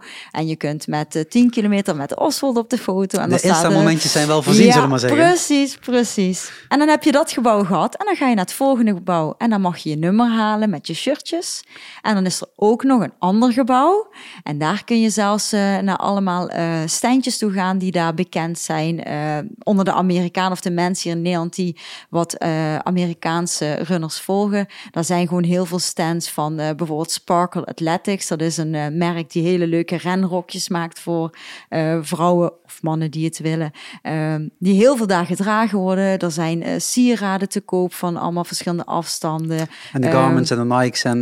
Ja, en er zijn inderdaad schoenenstands, stands om in te laten tapen. Jeff Galloway staat er altijd met zijn stand.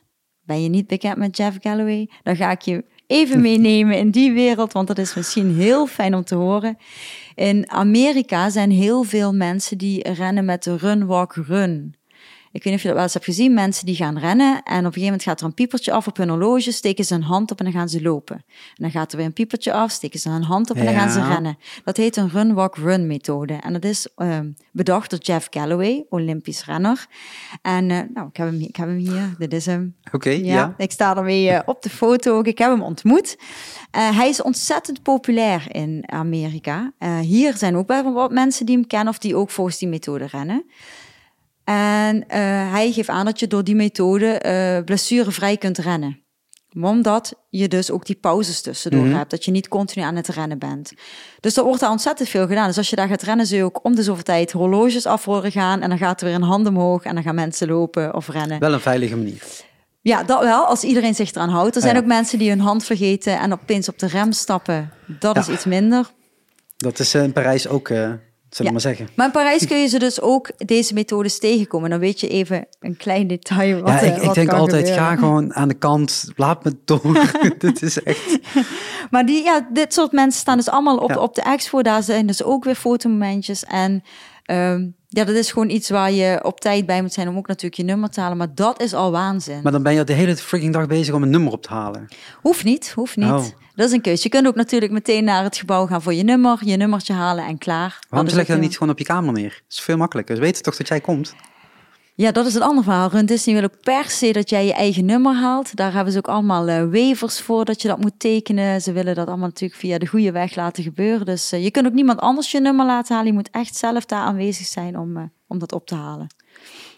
Ja, ze willen aan alle kanten indekken natuurlijk op die manier. Ja, ja, precies. Ja, maar aan de andere kant denk ik, je bent ook al ingecheckt in het hotel. Dat, is toch, kan, dat kun je toch ook alleen maar jij doen?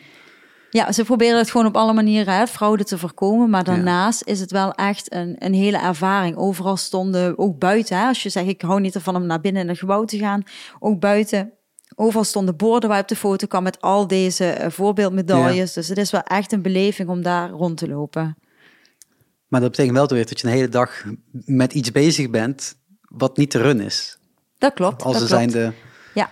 En als je natuurlijk een uh, dopie challenge gaat doen, ja, dan moet je die dag al aanwezig zijn, omdat de dag daarna de vijf kilometer start. Uh, in, in, in Parijs, uh, buiten het feit dat je natuurlijk drie mm, manieren maar hebt om te rennen, de 15 en 21. niet, je bent niet verplicht om ze alle drie te rennen. Dat, je kunt gewoon voor die vijf inschrijven. maar dan is je, je ophaalmoment um, uh, je, dat beslis je zelf, zeg maar. Hmm. Maar het is gewoon minder druk daardoor. In, in, Amerika heb je al vier runs, dus dan heb je gewoon al één groep extra vaak. Ja, ja. Um, dus ja, de drukte is ook wel heel verklaarbaar. Het is groter, meer mensen, dat soort dingen. Dus hmm. het is ook heel logisch dat dat druk is. Alleen denk ik, ja, dat, je zou daar dan iets voor op moeten verzinnen, tot het minder druk is. Dat de mensen die het willen doen, kunnen het. En de anderen hebben een andere oplossing, denk ik dan. Ja, dat is in ieder geval hoe het al hè, jaren daar gaat. Er zijn ook wel heel veel uh, podcasts over uh, mensen die daar wel tips voor hebben voor een Disney. Uh, wat bijvoorbeeld een van de druktemakers is, is dat heel veel mensen die niet rennen ook naar de expo gaan en heel veel dingen opkopen en daarna verkopen op eBay. Oh, Dat is dit jaar echt heel extreem geweest, omdat het dit jaar 50 jaar bestaan van Disney World was. Dus er, was, mhm. er is een hele coole Spirit jersey die ik aan heb op de foto met mijn medailles. Die dingen waren ontzettend snel uitverkocht, maar er komen dus mensen daar die die dingen allemaal opkopen en dan verkopen. Ja, dus eigenlijk niks te zoeken hebben voor de run. Precies, en daar, dat zijn allemaal tips die hè, de, de OG zal allemaal geven aan uh, Run Disney. Dus ik hoop dat ze er iets mee doen. Maar ook daarin kun je zelf een besluit maken. Als jij natuurlijk alleen een marathon rent, dan hoef je niet al die woensdag daar te zijn. Dan kun je je uh, nummer veel later ophalen. Scheelt je weer bij de eerste cashflow, zeg maar. Precies, ja. ja. Maar mijn vraag was, hoe is dan de ervaring bij de vijf? Oh waren we daar gebleven? Ja, jij wilde terug naar de dag ervoor en terecht, toch? Ja, maar precies. Dat niet um, moet ja, de expo was al een hele ervaring. En dan ga je inderdaad, uh, uh, gaat die wekker heel vroeg en denk je, ja, ik ben zo excited dat ik eindelijk mag gaan. Dus ik vond het opstaan absoluut niet hoe laat erg. Ben je, hoe laat ben je opgestaan? Um, ik moet even denken, de eerste dag denk ik twee uur. En ja, twee uur. En dan heb ik alles al klaar liggen. Dus op de grond ligt mijn, mijn rentenuutje met mijn bib er al op. En mijn uh, tasje waar ik wat water en een, uh, een uh, regenjasje in had gedaan. allemaal klaar, zodat ik alleen maar op staan, tanden poetsen, klaarmaken, kleren aan en go. Ja. En dan ga je naar de bus. En, dan... die zit helemaal vol met alleen maar renners. Want wie anders gaat opstaan straks? Ja, die je niet herkent, want de vijf kilometer is de kortste afstand. Dus uh, voor de mensen die uh, Parijs wel eens hebben gerend, is het misschien opgevallen dat sommige mensen in kostuum rennen of in hun favoriete karakter of de kleuren van hun favoriete karakter. Uh, Amerika is nog dubbel zo extreem, wat ik ontzettend leuk vind, want er is van alles te zien. Maar als je dus de vijf kilometer, wat dus de kortste afstand is, gaat rennen, gaat daar natuurlijk ook de leukste kostuums in zitten. Want die mensen denken, oké, voor de kortste afstand doe ik alles wat ik kan. Dus uh, de hele bus zit vol met alle karakters die je wil zien. dus dat is al een hele beleving. En dan kom je daar bij Epcot, die in zijn mooie verlichting uh, helemaal klaar staat. En ik weet niet of je zelf bekend bent met uh, Epcot, maar dat is een hele grote bal. Alleen, alleen beelden. Ik ben nog steeds niet aan de kant van de wereld geweest. Uh, Epcot staat vooral in het teken van verschillende werelddelen, waar je uh, in de World Showcase uh, langs allemaal werelden kan lopen en daar ook de cultuur kunt opsnuiven, tot aan eten, tot aan een attractie. daar is pas Parijs geopend met mm -hmm. Ratatouille, die wij natuurlijk ook kennen. daar is de start. En dan loop je een heel stuk uh, naar een heel goed terrein. Daar staat een DJ, daar staan wat tenten. Je kunt je tas afgeven, je kunt daar nog een koffietje pakken. Je kunt daar uh, uh, nog naar de Joffrey's kraam. dat is een hele wagen waar je gewoon hele lekkere koffie kunt halen. Er is een tosti wagen. Dus als je bekend bent in Parijs hoor je nu al het verschil met uh, aankomst. we hebben een hele vieze, McDonald's op de hoek liggen, waar niemand heen wil.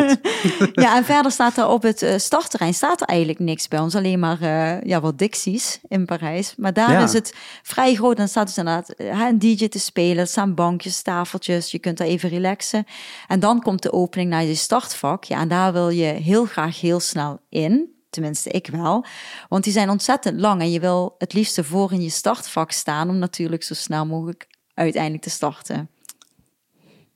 Je bent om twee uur opgestaan. Half drie, drie, kwart voor drie zit je in de bus? Ja, ik denk half drie ongeveer in de bus, ja. Hoe lang is het dan met de bus?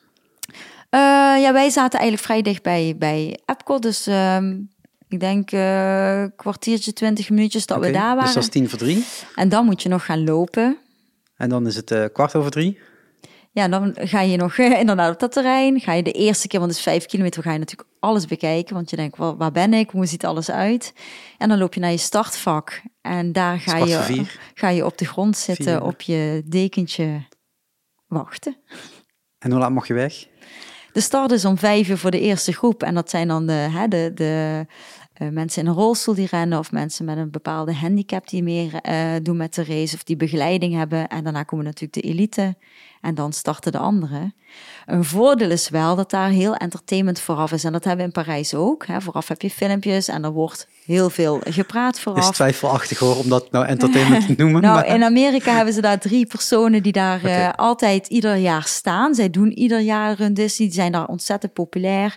Uh, er worden heel veel mensen bedankt. Veteranen worden bedankt. Mensen die voor de hulpdiensten werken worden bedankt. Zijn de Amerikanen zo goed in, hè? Ja, precies. Het volkslied wordt heel mooi gezongen, uh, waarbij iedereen muisstil is. Dat was echt ja, best indrukwekkend, vond ik. Iedereen heeft daar echt respect om daar even naar te luisteren. En er worden mensen geïnterviewd ondertussen. Het uh, profijt is dat alles in het Engels is. En ik spreek zelf geen Frans. Dus dat vind ik soms lastig, want je volgt in Parijs niet altijd alles. Ze vertalen wel veel naar het Engels, maar ook heel veel is gewoon in het Frans. Uh, in Amerika is alles in het Engels, dus je krijgt ook alles supergoed mee. En dat vond ik echt heel leuk. Dus het moment dat je daar zit is wel lang tot de start, maar tot die tijd weten ze je wel te triggeren om ja, daar mee te doen en te luisteren en alles. Ja, eh. maar je bent ook vroeg opgestaan. Ja. En je wilt alleen maar rennen, want dat is wat je kan ja, doen. Ja, ja. Dus twee uur, en eh, het is nu kwart voor vijf, vijf uur. Vijf uur begint de eerste met rennen. En hoe laat mag jij dan? Um, ik denk dat we iedere dag vanaf dat de eerste, ja, dat, dat is natuurlijk een dingetje. Je hebt verschillende startvakken. Ja. En we hebben wel een tijd opgegeven. We weten nog steeds niet precies hoe het werkt, want we hebben heel veel mensen gesproken. Ze hebben iedereen echt door elkaar gezet. Uh, wij zaten in het laatste startvak en dat vond ik van de ene kant uh, ook heel spannend, want je bent heel dicht op de laatste mensen.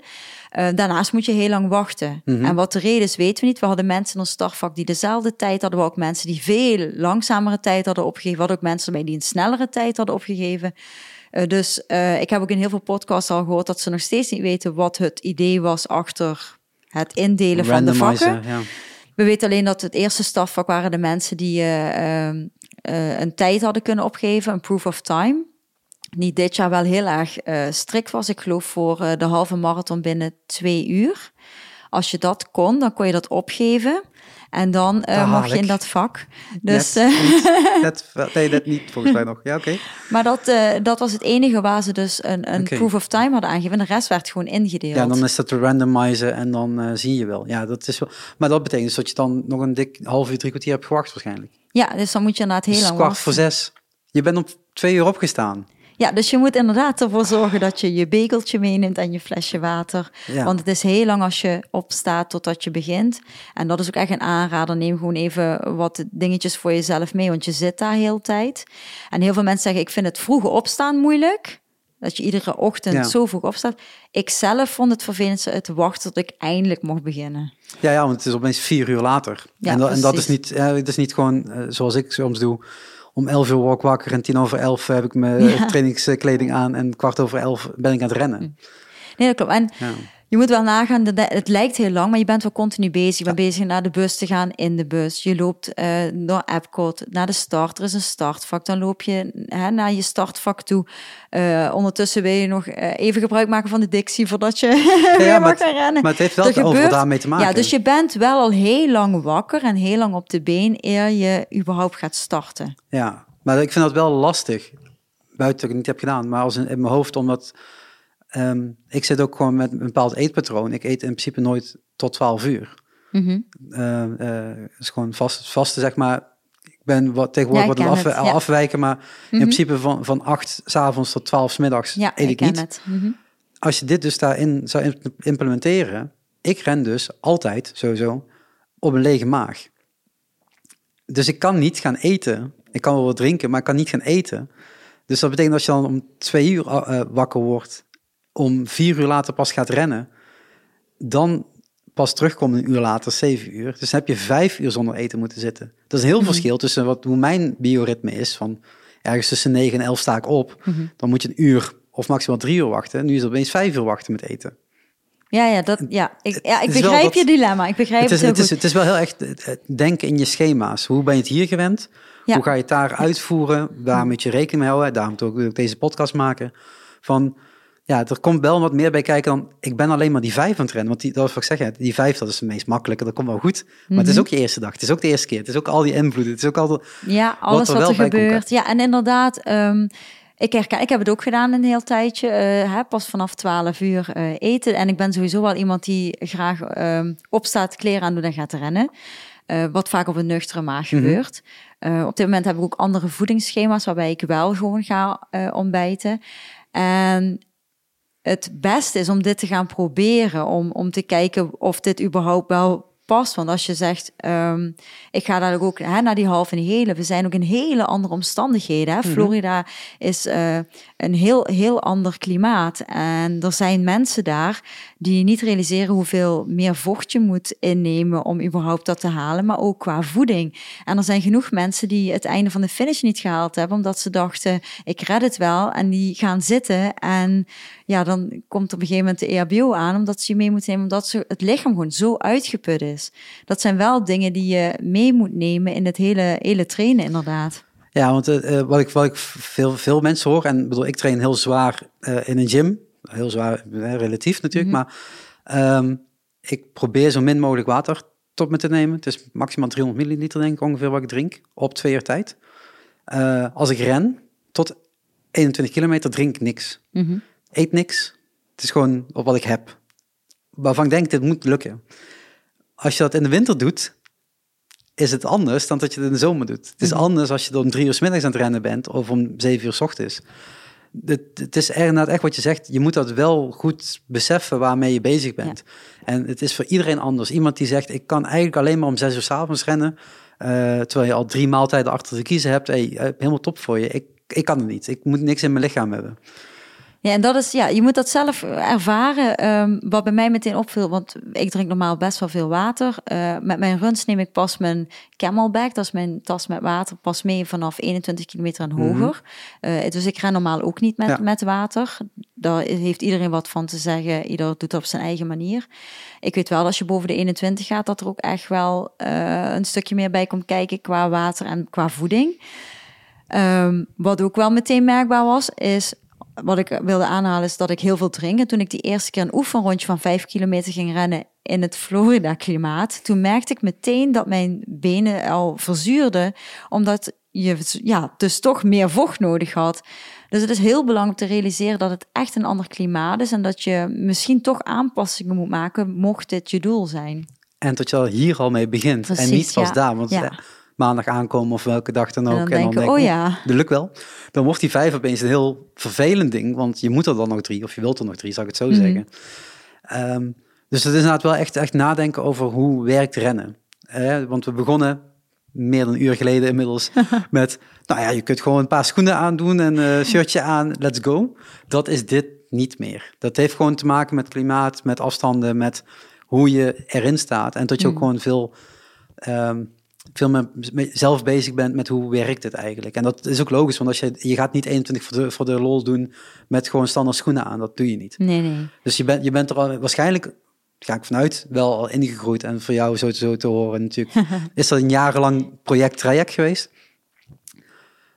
Dan heb je die vijf gerend. Ehm, had je daar een, een, een tijdslimiet voor jezelf neergezet? Of had je zoiets van, nou, nee er een dag over doen, is het ook goed. ik heb altijd gezegd, ehm, mijn doel is de dopie halen. Ik wil finishen. Ik wil alle races finishen. En ik heb daar totaal geen tijd uh, op gezet. Ik weet wel dat de vijf kilometer heeft geen tijdslimiet. Uh, de andere races wel. Dus het is niet dat je daar uh, onbeperkt mag gaan rennen. de vijf kilometer is ook wel de meest ja, ze noemen het soms wel eens hè, de family run of een Mhm. fun run. Daar doen de meeste mensen aan mee. En ook mensen die eens een keer hè, het rennen willen ervaren of een keer uh, run Disney willen doen. Ja, bijna ongetrainde die gewoon pakje ja, dus er, wordt, ja, en gaan. er, er, zijn ook mensen die zeggen, ik ga de dopie doen, maar de vijf kilometer ga ik lopen. Om, omdat ze hun benen willen sparen. Dus je komt er van alles tegen. En um, wij hebben die eigenlijk gewoon gerend als een lekker rustig rondje. We hebben veel om ons heen gekeken, een paar keer gestopt om foto's te maken. En uh, uiteindelijk was het inderdaad de vijf kilometer finishen en dan uh, door naar de volgende. Ja, want je zegt al, uh, je gaat niet de park in. Je bent natuurlijk wel de hele dag in het park geweest, of de helft van de dag eigenlijk, hè? Zittend, wachtend op, op de start. Um, tuurlijk krijg je wat mee van het park. Hè? Ik bedoel, je bent daar, je bent aan het rennen, dus dat. Um, maar dan betekent ook weer meteen terug in die modus van ik ga morgen alweer de tien rennen. Ga je dan die dag anders door dan dat je in Parijs zou doen? Want hier ga je dan wel de pakken natuurlijk, maar daar, wat ga je dan doen? Gewoon ja, een, een, klein voordeel van, ehm, van mijn traject is, is dat, ik, uh, dat dit niet de eerste keer uh, Disney World is geweest. Dus wij zijn al daar geweest, we weten hoe de parken uitzien. Ik kan best begrijpen als je dit de eerste keer doet en je gaat alleen maar... Um, of vooral voor deze runs, maar je doet het uh, misschien once in a lifetime of weet niet of je het ooit nog een keer gaat doen. Ja, dan wil je wel die parken doen. Wij hebben die vrijheid kunnen nemen om te zeggen, oké, we weten al heel veel hiervan, dus we kiezen ervoor om die parken later te doen. Maar ook die dagen, je hebt daar uh, Disney Springs, een heel winkel- mm -hmm. en restaurantgebied waar je heel leuk kunt wandelen, waar je dus weer met die bus van het resort heen kunt. dus we hebben gewoon eigenlijk na die vijf kilometer gewoon lekker een dagje rustig aan, van alles gedaan. Bij de resort zijn zwembaden waar je eventueel ook een beetje hè, rustig kunt mhm. badderen. Maar het doel was inderdaad om die dag rustig te doen en dat is ons uh, ook wel aardig gelukt, ja. En dan is het weer uh, heel op tijd naar bed. Want ik weet niet hoeveel slaap, uh, slaap pak jij? Ja, nou, ik had me voorgenomen om iedere dag natuurlijk op, op, tijd naar bed te gaan en dan uh, genoeg slaap. Maar ja, uiteindelijk zijn er ook heel veel indrukken en er gebeurt van alles. Um, dus ja, je gaat s'avonds wel op tijd naar bed. Dus je probeert wel een, een acht om negen uur in bed te liggen. Ja, goed, dan niet iedereen kan meteen slapen. Ik ben daar ook eentje van. Maar je probeert wel iedere, iedere avond probeerden we wel op tijd uh, al op bed te gaan liggen. En dan is het nog een beetje tv kijken en kletsen. Ja, maar zo uh, rusten. Ja. ja, dus dat is het vooral. Dat uh, voetjes van de vloer en alles zorgen dat alles klaar ligt weer voor de volgende ochtend. Wekkertje zetten, dubbele wekker zetten. En dan ja, op naar de volgende dag. Die vijf, die is, die, die, die, dat is gedaan. Dat is prima. Dan ga je de dag doorkomen. Ga je dan ook al nadenken over wat je gaat eten, hoe je gaat eten, hoe laat je gaat eten. Want je moet op tijd naar bed, maar je moet ook wel weer energiek genoeg zijn voor de volgende dag. Ja, ik, uh, ja, je bent in Amerika, dus we hebben ook wel, uh, we hebben best wel gezond gegeten. Maar ja, goed, je eet natuurlijk ook wel eens wat dingetjes uh, die misschien iets minder gezond zijn. Um, we hebben ook vooral erop gelet, hè, genoeg groenten, wat salade, vooral heel veel water drinken. Dat, dat was het doel, heel veel vocht.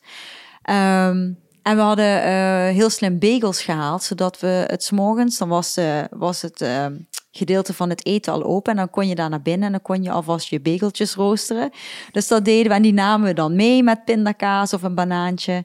Um, en dat is ja iets wat je misschien even moet oefenen of dat bij je past of niet. Hè? Daar komen we weer bij voeding. Mm -hmm. Maar wij, uh, wij namen dat mee om dan, uh, als we in ieder geval in het park waren en in het startvak zaten, om dan wat te eten. Omdat het soms, als je opstaat, ja, wie heeft meteen honger om uh, 1, 2 uur s'nachts?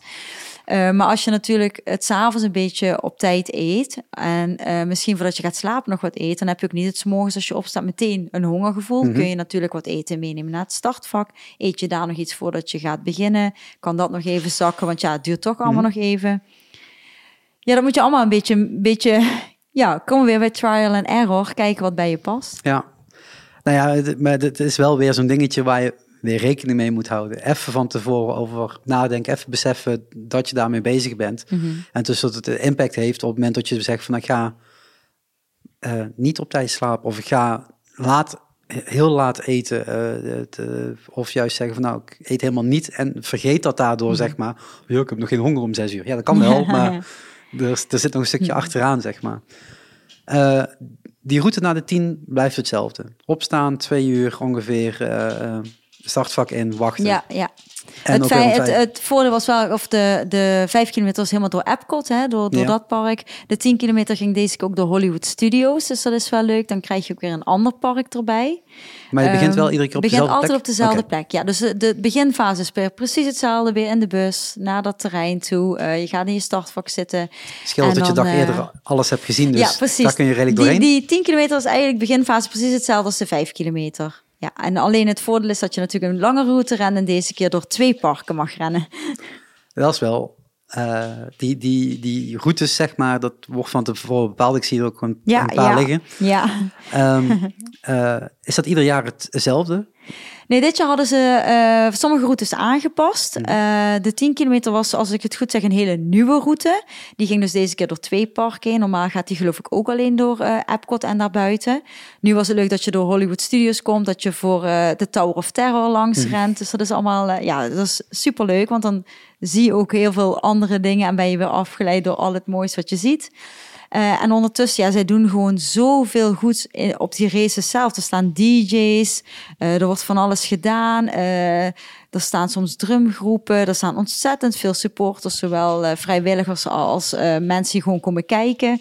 Ja, er is van alles te zien. Dat is echt ongelooflijk wat je allemaal tegenkomt. Hieruit klinkt dat je ook zonder oordopjes rent. Um, nou, ik heb, uh, ik heb aftershocks. Ik weet niet of je dat kent.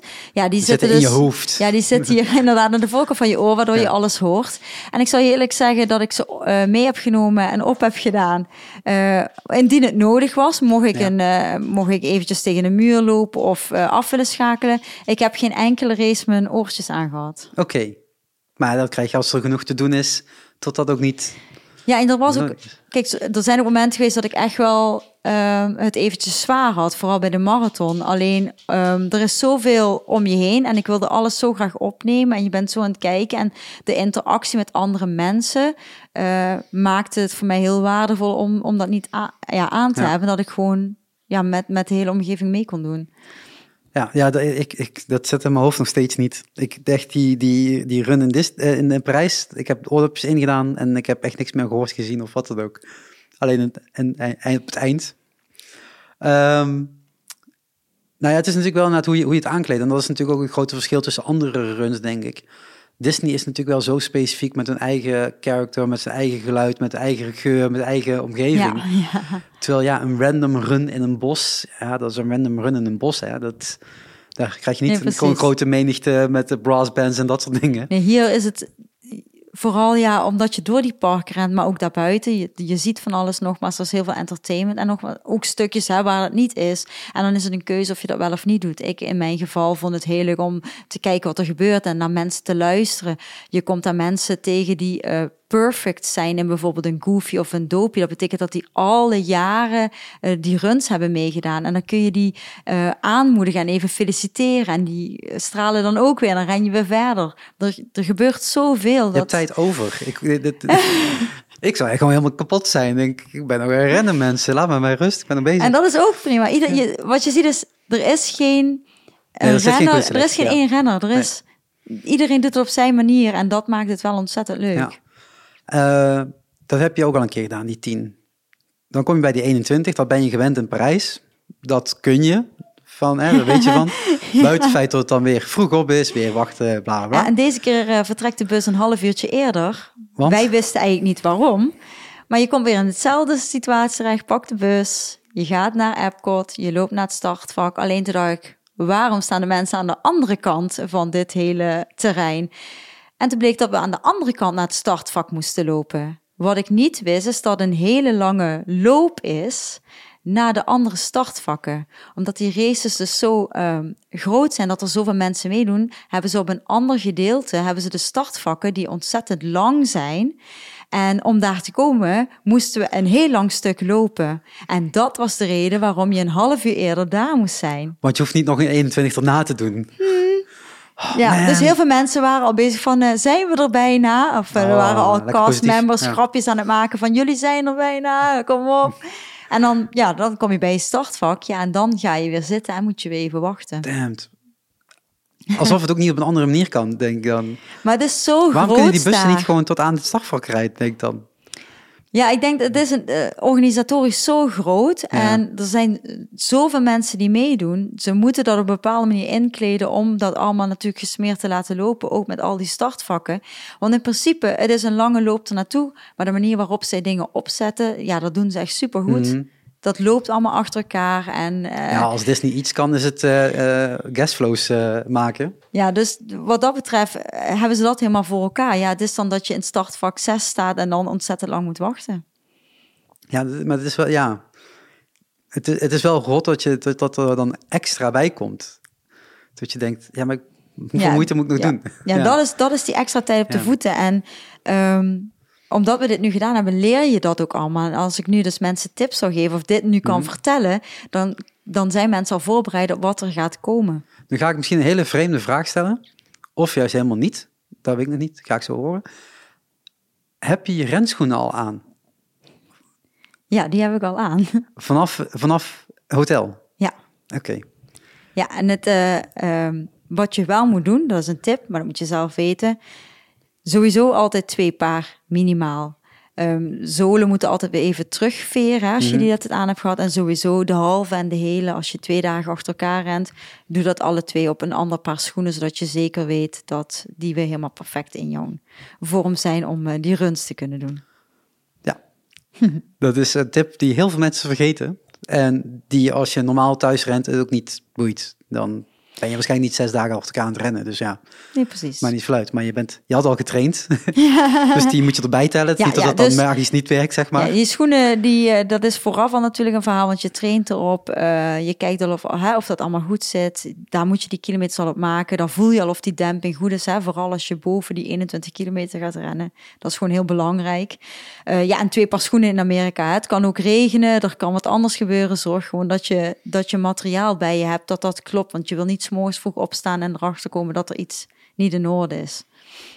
Of de avond ervoor, als je dan klaar liggen bent. Precies Ja. dan. Eh, maar dan ga je aan die 21 beginnen. Dus ik ben al, ja, we- die, die, die, dat hele voortraject heb je allemaal al meegemaakt. Dus al die invloeden valt wel mee, hè? want dat heb je nu gewend. dat heb je al twee keer kunnen wennen. En dan? Welke parken moet je allemaal door? Ik was zo enthousiast om de 21 te gaan rennen, eh, omdat ik wist dat dit de eerste keer ging zijn dat ik door Main Street naar het kasteel mocht gaan rennen. In mijn kostuum als Pegasus van Hercules, inclusief vleugels.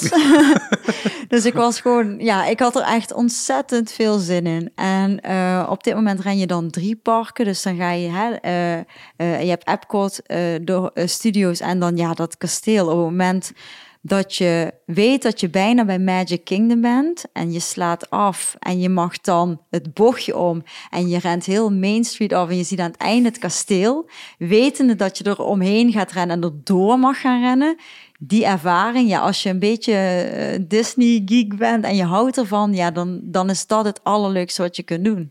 Anders ga je de hele, run niet doen trouwens. Hoor. Als, je dat niet, als je dat niet een klein beetje hebt. Dat wil je. En dat Maar- is eh, waarom heel veel mensen ook trainen voor die halve marathon. Want bij die vijf en de tien kom je dus niet in Magic Kingdom. Ja. Vanaf de halve mag je door dat kasteel rennen. Ja, dat is dat, dat magische moment wat, wat niemand je afneemt. En wat, Precies. Ja. eh, vooral wat je zegt, het is die hele Main Street door. Het is niet een paar meter, het is gewoon... Je En allemaal kijken. mensen, Ja. eh, allemaal borden, mensen roepen naar je. Er worden met, met cowbells geklingeld. Eh, ik ben daar een paar eh, Run Disney Instagrammers tegengekomen. Natuurlijk meteen op de foto die ik al heel lang volg. Het was zo'n ervaring daar. Ja, en dan, dan sla je om en dan mag je nog een heel stuk door het park rennen. En dan door dat kasteel in. En dan kijk je weer uit over, over dat hele park. Ja, dat, dat gevoel en dat zien, ja, dat is... Maar hoe- hoeveel, voor hoeveel kilometer is dat? Want het is niet in het begin neem ik aan. Nee, bij de halve is het ongeveer halverwege. Bij de hele marathon eh, is het eh, volgens mij bij mijl 10, geloof ik. Ik Dus dan moet je wel een stukje rennen. Ehm, Dus- Ja, de 13 is een halve marathon, 13,1 Dus mijl. Dus als je bijna bij de halve marathon bent in de, in de hele marathon, dan kom je ook pas door het kasteel. Dus je moet wel even een stukje. Ja. Maar dat is een voordeel, want je hebt iets om naar uit te kijken. Ja. Ja, ja, letterlijk, ja. ja. Dan, dan ren je die, dan ga je helemaal naar de tering, want dat is 21 kilometer. Dat is niet tot je uitgerust deze aan het keer- eind eh, komt. Wat, wat wel heel jammer is, ik heb het gelukkig ook teruggehoord, dat wist ik niet. Maar ik zei nog eh, daarna van het gek is dat de eerste helft van de halve marathon was echt eh, ja, alles bekijken en dan ren je door het kasteel. Het tweede deel was dit keer wat, ja, wat saaier. Er was wat minder op het pad. Duurde ook best wel lang. Ehm, ik heb dat gewoon fijn gerend en weer om me heen gekeken. Maar ik heb het ook wel heel veel teruggehoord dat ze het tweede deel van de halve marathon iets minder aangekleed vonden. Ja, en wat, wat, wat dan ook nog een keer gaat meespelen. Om vijf uur begint die run. Jouw startvak is bijna een uur later, zes uur. Eh, bij de vijf ben je een half uurtje later of een uurtje later ben je alweer terug. Bij de tien ben je een uurtje of anderhalf uur later terug. Dan zit je op half acht. Snel, snel gerekend, ja, half acht. Hier ben je ergens tegen negen uur aan het rennen, toch? Eh, ja, in dit geval eh, ehm, met alles uur, kijken ja. en alles doen hebben geloof ik eh, een kleine drie uur gedaan over de halve Ja, dus marathon. En dat heeft er ook mee te maken dat er ook heel veel plekken zijn waar je gewoon bijna niet harder kunt rennen. Omdat er zoveel mensen meedoen. Er zijn soms Hmm. smalle straatjes, eh, smalle wegen of plekken waar je toch even moet inschuiven omdat er zoveel gebeurt. Eh, vooral ook op Main Street. Hè. Mensen gaan natuurlijk veel eh, lopen, willen foto's maken, willen filmen. Steken een handje omhoog, precies daar, heel toevallig. Dus er gebeurt zoveel om je heen en daar moet je wel rekening mee houden. En dat had ik niet, of dat weet ik nu. Ehm, je traint voor al die kilometers, maar wat je vergeet is dat je iedere run veel langer op je benen bent dan dat je eigenlijk had getraind. Het is wat ik zeg, je gaat hier de deur uit, je rent er zes Ja. en je bent terug. Ja, In je eigen tempo, op je eigen plekken, op dat. En nu moet je opeens de 15, 21, 41 rennen, eh, 42 rennen, op een plek die je nog niet kent, waar je dus invloeden krijgt, met mensen om je heen die niet in jouw tempo rennen, waar je voorbij wilt, maar die je Ja. niet aan de kant, die niet aan de kant gaan, wat weer je uit je ritme haalt. Dat telt wel allemaal op je benen, want ja, je wilt dat ritme aanhouden, Ja, ja, want dat is het meest fijne waar je op kan rennen. En niet op iemand anders zijn ritme, of ze nou sneller of trager nee, dat klopt, dat klopt. En ik ehm, moet wel zeggen dat ik de eerste drie runs, ik heb daar echt zoveel plezier aan gehad. Er gebeurde zoveel. Ik heb daar gekeken. Het is ook iets wat ik zo graag wil. En ik was er op dat moment en ik wilde het ook allemaal opnemen wat er gebeurde. Ik was absoluut niet bezig met al die ehm, zaken die daaromheen zitten. Terwijl ik ook, hè, en nogmaals, ik luister ook heel veel podcasts van Amerikaanse runners. Eh, daar kwamen toch ook heel veel dingen naar voren, hè, wat, wat ze misschien als vervelend hadden ervaren. Of ehm, eh, die ze graag anders hadden gezien. Terwijl ik op dat moment alleen maar dacht, "Oh, ik ben hier en ik ben hier aan het rennen. En ik vind het fantastisch. Eh, Dus het ligt ook aan met welke mindset je erin gaat. Of je, of je dit de eerste keer natuurlijk doet. Of dat je dit misschien hè, als Amerikaan misschien al vaker hebt gedaan. En dan Ja. zie je misschien het grote verschil ertussen. Ik, ja, ik heb die drie eerste runs met superveel plezier gerend. Wel wetende dat er natuurlijk nog iets anders kwam. Ja, want je bent, dit is dan tot, tot ongeveer negen uur ben je dus bezig geweest. Dus ook de, de, de, de warmte begint hè, te komen. Ja, hè. viel die dag gelukkig eh, inderdaad nog mee. Maar je voelde inderdaad dat het dan langzaam de zon opkomt. En Ja. dan eh, komt er ook inderdaad wat warmte mee. Ja, en dan ga je zo snel mogelijk terug de bus in, terug naar eh, hotel gestrekt. Nou, dan kom je weer Of, eh, terug op dat hele grote terrein. En dan staat die Joffrey's eh, koffiecar. Dus dan gaan we een lekker koffietje halen. En dan wat fotomomentjes. En dan ga je langzaam naar de bus. Lekker douchen, even rusten. En eh, we hadden sommige dagen wel, eh, dat is wel leuk. Bij sommige resorts kun je gewoon eetafspraken maken. hè, dat je gewoon bij die restaurants daar eh, kunt boeken. Dat soort dingen hebben we op die dagen gedaan. Dus dan ja, houd je toch op de been. Want je moet wel in beweging blijven die dagen. En Ja, als je je- kunt niet gestrekt in bed blijven Precies, liggen. want als je dat gaat doen, dan heb je kans dat er natuurlijk hè, de benen stijf worden of de- dat het lichaam dadelijk hè, vermoeid raakt. Dus we hebben wel besloten om die dagen wel lekker te blijven bewegen op een rustige manier. En heb je dan nog speciale eh, gestretched eh, massagesachtige dingen gedaan na zo'n lange run, zeg maar? Ja, ik hoorde heel veel mensen die zeggen, ja, ik neem mijn massagegun mee of mijn foamroller of dat soort zaken. Ik had ook voorgenomen om lekker te gaan zwemmen. Ehm, maar eigenlijk heb ik iedere dag gewoon ehm, ja, gelopen en gedaan wat ik wilde. Er is een Skyliner daar. Daar kun je met de, met de Skyliner kun je ook naar andere resorts toe of kun je naar andere parken. Dus dan hoef je niet te lopen. En met de bus nogmaals hè, naar Disney Springs. En dan ga je daar even lekker eten. Dus we hebben op het gemak van alles gedaan om in beweging te blijven. Maar al die bijzondere zaken zoals een foamroller en een eh, massagegun... of daar in de massagestoelen gezeten, dat, nee, dat hebben wij niet. Dus gewoon eigenlijk uitgelopen, gewoon rustig Precies, die ja. benen nog Ja. wel in beweging gehouden. Want ik, ja, het is wat ik zeg, het zal echt voor iedereen verschillend zijn, maar voor mij, ik denk 15, 21 is te doen, zeg maar, zonder tierlantijntjes, nodigheden of dat soort dingen. Maar niet heel veel later, want de, tijd ertussen wordt steeds korter, wat best gek is Ja, eigenlijk. Ja. Eh, eh, je, je, hebt, je, hebt, eh, je hebt uitgerust, je hebt gegeten. Je moet echt op tijd naar bed voor die 42, lijkt me. Ja, die dag heb ik inderdaad rustig aangedaan.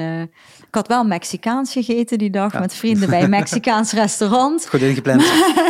Maar nee, alles gewoon op het gemakje. Superleuk, relaxe dag. Maar ja, wel op tijd inderdaad. Eh, die zaterdag eh, lekker op, de- op de hotelkamer films gekeken en gewoon relax gedaan. Dat Nee, je maand weet, dat er gewoon Disney Plus eh, aanwezig is, niet toch? op alle resorts, nee. Maar Man, er zijn man, man, man, genoeg, genoeg zenders met genoeg Disney films. Dus die heb ik ja, lekker liggen kijken op ja. bed.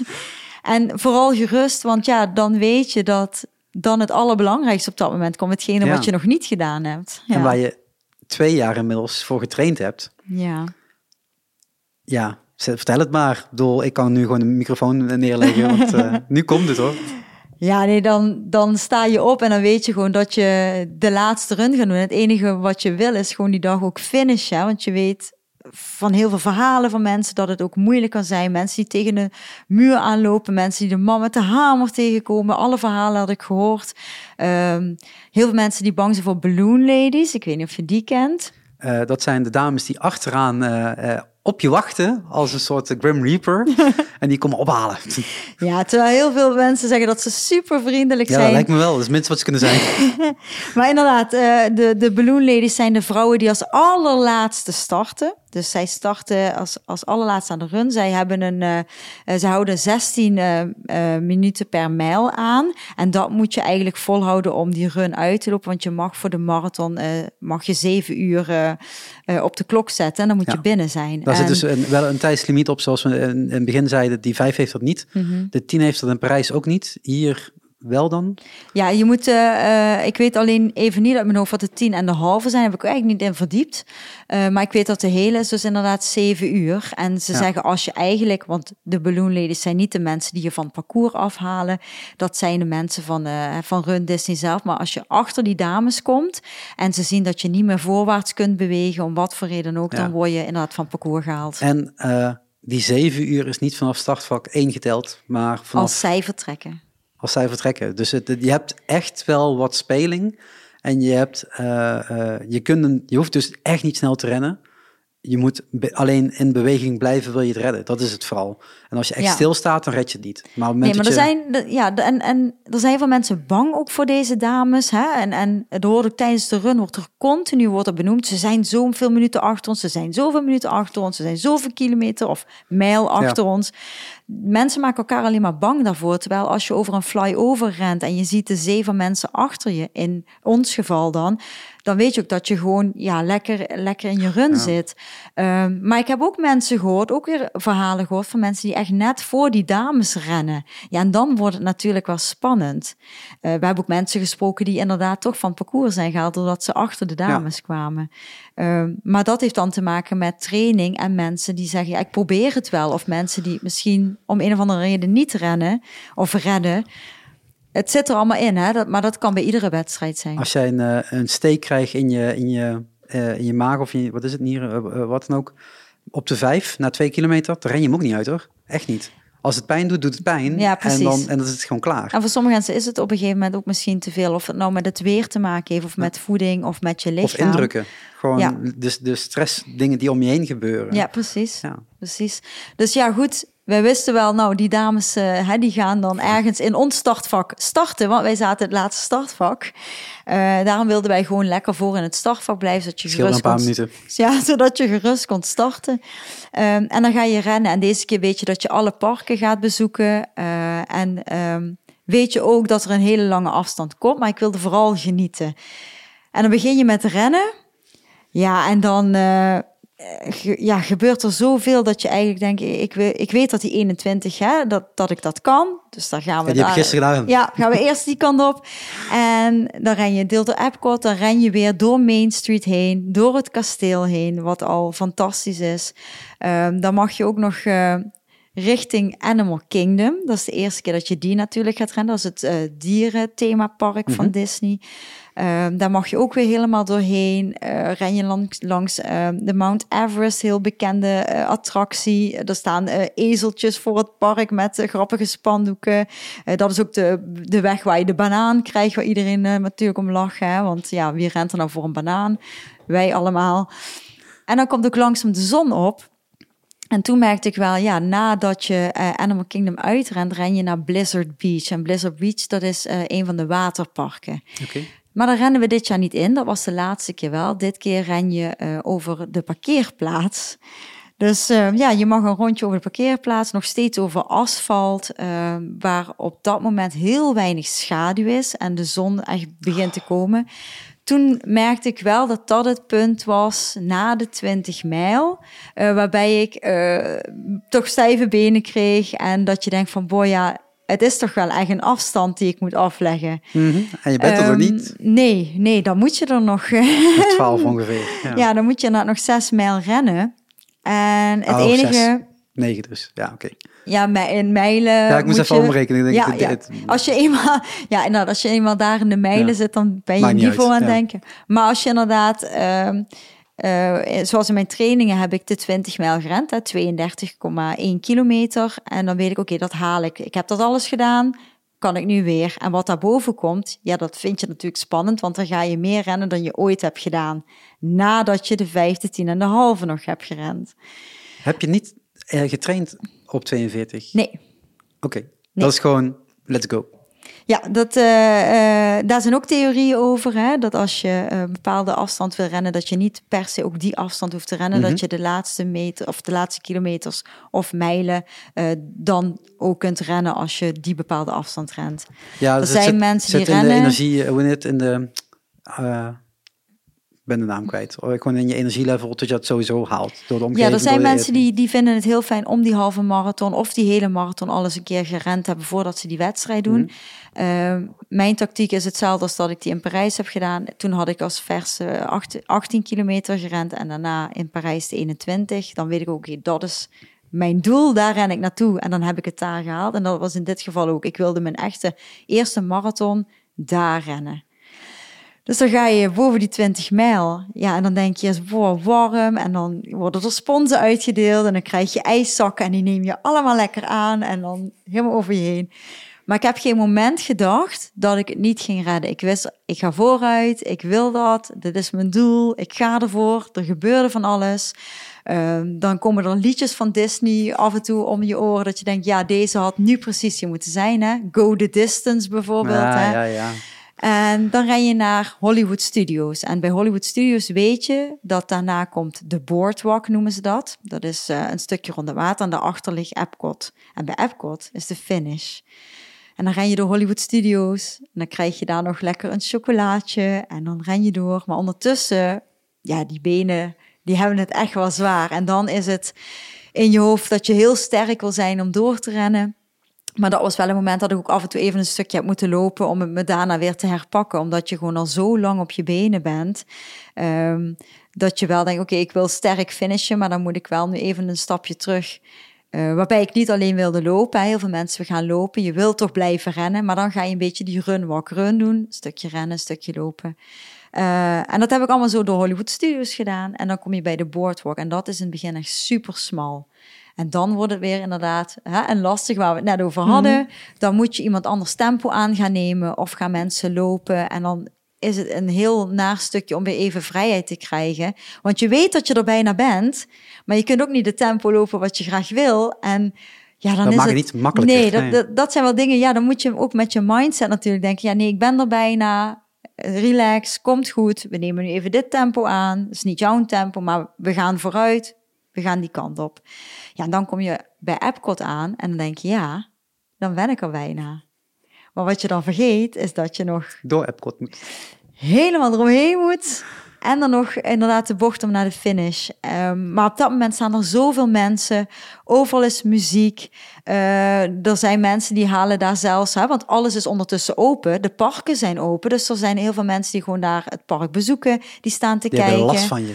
Ja, sommigen misschien wel. Ja.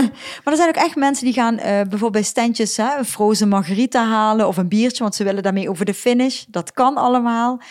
Dus die gaan al die dingetjes doen. En dan loop je dat hele meer rond. En dan weet je, oké, okay, dit is het bord van 26 mijl. Dus dat betekent dat de volgende stop de finish is. Ja, en dan ren je richting die finish. En dan staat daar natuurlijk Mickey te juichen hoe jij over die finish komt. Met weet ik hoeveel fotografen. En dan ontvang je die medaille. En mag je doorlopen. Want er staan er nog twee op je te wachten. Ja, heel klein dingetje terugpakken voordat ik naar die medailles toe wil. Want je zegt al, op een gegeven moment ben je gaan wandelen. Je blijft in beweging. Dus mm. het is als je achterom kijkt, zie je die ballonladies uh, nog lang niet. Nee, nee. Um. Maar uh, je gaat dus wel je tempo aanpassen. Je gaat wel die tempo aanpassen in die smalle straatjes. Hoe kom je weer op tempo dat je zegt van dit, dit red ik? Want op een gegeven moment krijg je inderdaad wel die man met de hamer of de verzuring. Dat je denkt, ja, als ik was doorgerend had ik dat niet gehad. Want... Ja, en eh, dat is een lastige. Ehm, je kunt denk ik nooit bij geen enkele run je voorbereiden op wat je lichaam gaat doen. Of hoe je erin staat of wat er gaat gebeuren. Uh, het enige wat ik wist, en nogmaals, ik heb er nooit over getwijfeld. Ik wist van mezelf, ik ga dit finishen. Hoe dan ook. Ja. Hè? Uh, ik weet dat ik het ga halen. Ik ben al op dit punt. En ik weet van mezelf, als ik het in mijn hoofd zet, dan moet ik die kant en dan gaat het goed komen. Daar gaan we voor. Er zijn genoeg mensen ondertussen uh, die hetzelfde misschien hadden, maar die door hydratatie, door de zon, door welke reden dan ook misschien, hè, dat niet halen. dus achteraf realiseer je wel uh, dat er zoveel andere invloeden zijn dan alleen je wilskracht natuurlijk. Wat ik uh, vooral heb gedaan, is ook meegegaan in het moment. Want als je alleen maar in je hoofd gaat zitten van, oh nee, nu kan ik niet rennen zoals ik wil, of dadelijk kan ik niet meer lopen, of uh, deze mensen stoppen, waar zijn die vrouwen die achter me aankomen? Als je dat gaat doen, ga je alleen maar paniek zaaien in je hoofd, die er eigenlijk niet hoeft te zijn. Mm -hmm. En ik heb alleen maar gedacht, Oké, dit stukje gaat niet zo snel. Iedereen gaat hier lopen. Nou, dan ga ik ook maar meelopen. Want ja, ik kan toch niet rennen. Wat heeft het dan voor zin om me daar druk over te maken? We gaan allemaal voorwaarts. En dat moet je continu, denk ik, wel in je achterhoofd houden. Dat je wel soms mee moet gaan met wat er gebeurt in de situatie. Maar het is niet dat je uh, bent gaan compenseren daarvoor. Dat je denkt, ik, ik, ik, moet daarna weer een stukje sneller gaan rennen, omdat ik net... Nee, nee ik, wist, ik wist gewoon uh, dat mijn tijd goed zat. Ik wist dat ik al een, een, stuk... Ja, we zitten gewoon een stuk voor die dames die uh, met mm. hun ballonnen aankomen rennen. Er waren nog zoveel mensen om me heen ik wist dat als ik gewoon in mijn eigen tempo lekker voorwaarts ging, dat het goed ging komen. En ik heb me daar dus ook niet druk om gemaakt. En natuurlijk, je hoort mensen om je heen zeggen dat, dat, uh, dat die sweepers achter je aankomen of dat uh, de tijd er bijna op zit. Maar dat zijn mensen die zich alleen maar uh, je eigen paniek zaaien ja, ja, ja. in hun hoofd. Daar moet je niet mee bezig zijn. Als jij weet van jezelf, ik zat al de hele tijd op een lekker tempo, ik ren mijn eigen run, ik kijk om me heen wat er gebeurt ja, er zijn zoveel leuke dingen te zien. Natuurlijk heb je het zwaar en natuurlijk uh, voel je dat in je lichaam. Maar dat betekent niet dat je jezelf daarom gek moet maken. Nee, nee. Maar blijf, dat... blijf bij jezelf op dat moment. En dan weet je, als ik voorwaarts ga, ga ik ook naar die finish. En of je dat stukje nu loopt, dat gaat echt niet de grote invloed zijn op al die mensen die nog achter je zijn. Of dat je het niet gaat halen. Want dat heb je al lang gecompenseerd met het met de 26 of 25 mijl op dat moment die je al hebt afgelegd. Ja, ik vind het altijd lastig als ik gewoon, gewoon normaal aan het rennen ben en ik moet al bij een, uh, bij, uh, bij een rotonde zeg maar even stoppen omdat de auto voor moet. Dan denk ik, ja, maar ik wil in mijn tempo blijven, want als ik daarna moet opstarten, merk ik dat wel. Je merkt gewoon aan je benen dat je net niet dat tempo hebt gehad en dat je dus weer moet gaan. Ja, ja, ja. En dat, dat, dat, ik vind dat wel altijd, altijd lastig van, van in hoeverre heeft dat echt invloed op lange stukken. Want korte stukken snap ik, hè, want dan is gewoon vijf, vijf kilometer zo snel mogelijk rennen. Dit is weer 10 seconden, 20 seconden vertraging. Maar op een lang stuk, ja. Nou, dat is, het is wel goed dat je het aanhaalt, want wat is natuurlijk ook iets. Um, je zegt zelf, ik ren graag, dus ik wil rennen. En ik kijk om me heen in de parken, maar mijn doel is rennen. Ik heb het hele park niet gezien hoor. Ik had, je... ik had ook een Efteling kunnen rennen. Geen idee. dat is misschien ook wel een leuk idee. Nee, daar, ren je niet doorheen, daar ren je omheen. Want de, de Efteling rent, rent niet door ja, is jammer hè, had ik al gehoord, ja. ja. Maar het is wel een goede dat je het aanhaalt, want um, wat mensen vergeten is, gelukkig is dat in Amerika veel beter geregeld, weet ik niet. Misschien is het makkelijker geregeld, maar in Parijs zijn de rijen voor de uh, characters altijd super lang. Dat is bij de vijf kilometer in Amerika ook. Maar bij de andere races is het eigenlijk best wel vlot. Je gaat in de rij staan, foto gemaakt door, foto gemaakt door, foto gemaakt door. Dat gaat best wel snel. Alleen sta je soms wel even stil en dan start je weer op. Dus staat stil, je mhm. start weer op. Dat moet je natuurlijk wel meenemen. Wil ik dit? Heb ik hiervoor getraind? Want iedere keer als ik dus stop, moet ik inderdaad weer opnieuw opstarten. En sommige mensen vinden dat heel lastig. Mensen die langzaam zijn, zullen misschien ook minder snel die stops maken. Want die hebben zoiets, zolang ik voorwaarts blijf gaan, blijf ik voorwaarts gaan. Mhm. Ik heb uh, enkele stops gewoon gedaan. Ik heb fotostops gedaan. Ik heb voor het kasteel een foto laten maken. Dat ging stoppen, even staan, klik, doorrennen. Heb ik totaal niet over nagedacht. Ik heb niet over nagedacht hoe lang je dan meer op je benen bent. Ik heb er niet over nagedacht. Uh, dat dat invloed kan hebben inderdaad op je rentempo. Maar dat is misschien een verschil met mijn manier van rennen, omdat ik eigenlijk... ehm, Jij stopt altijd om een foto te maken, of maak je die van nou tevoren? ja, dat zijn, nee, ik, ik stop inderdaad onderweg. Als ik reeën zie, stop ik inderdaad ook om daar een foto van te maken. En dat, wil, dat wilde ik inderdaad zeggen. Ehm, mijn doel is nooit geweest dat ik heel snel ren. Ik, ik, ik weet dat ik eh, middle of the pack ben, hè? dat ik eh, niet vooraan ben en Mhm. ik ben ook niet achteraan. Ik weet dat ik altijd ergens in het midden zal zijn met mijn tempo. En dat vind ik prima. Eh, daardoor heb ik ook zo goed als geen blessures ergens van opgelopen. Ik ren lekker mijn runs. Ik heb eh supergoeie races gerend. Ik heb eh halve marathon in, in Amsterdam gerend met een vriendin, wat supergoed is gegaan. Daar ben ik heel trots op een tijd die ik neerzet. Maar als ik hier ga rennen, dan maakt me die tijd niet uit. Of ik nou drie keer stop, of ik wandel een stukje, of ik kijk wat er gebeurt, of ik ren wel aan één stuk. Maar dat zijn wel dingen die je mee moet nemen. En als je weet, ik heb moeite met opstarten. eh, als ik gestopt ben of als ik langzamer ga, heb ik weer moeite om dat tempo bij te houden. Of ik, eh, ik wil eh, juist zo vaak stoppen. Ja, dat zijn dingen die moet je wel meenemen in zo'n run. Eh, de, je drinkmomenten, je eetmomenten, misschien moet je gewoon aan de wc, die stopt erbij. Het zijn allemaal dingen die je, als je dat van tevoren bedenkt en je traint daarvoor of traint daar mee, dat je ook gewoon zegt van nou oké, als ik daar die tien ga rennen, wil ik gewoon drie keer stoppen op de drie, de zes en nog negen, want dan heb ik hè, nog net iets meer over op Ja, de ja, laatste ja. kilometer. Allemaal geen, geen, geen probleem als je het maar van tevoren bedenkt en niet dat je dan op die dag zelf denkt, nou, doe vandaag eens een keer dit. Want dan, dan merk je dat je dat niet voor geoefend hebt en dat je dat echt wel invloed heeft op Jazeker. hoe je je voelt. En ik heb ook eh, met mijn lange runs bijvoorbeeld inderdaad, het is een foto maken, maar ook had ik besloten als ik onderweg heb, want ik zei boven de 21 neem ik ook ja, eten en drinken mee.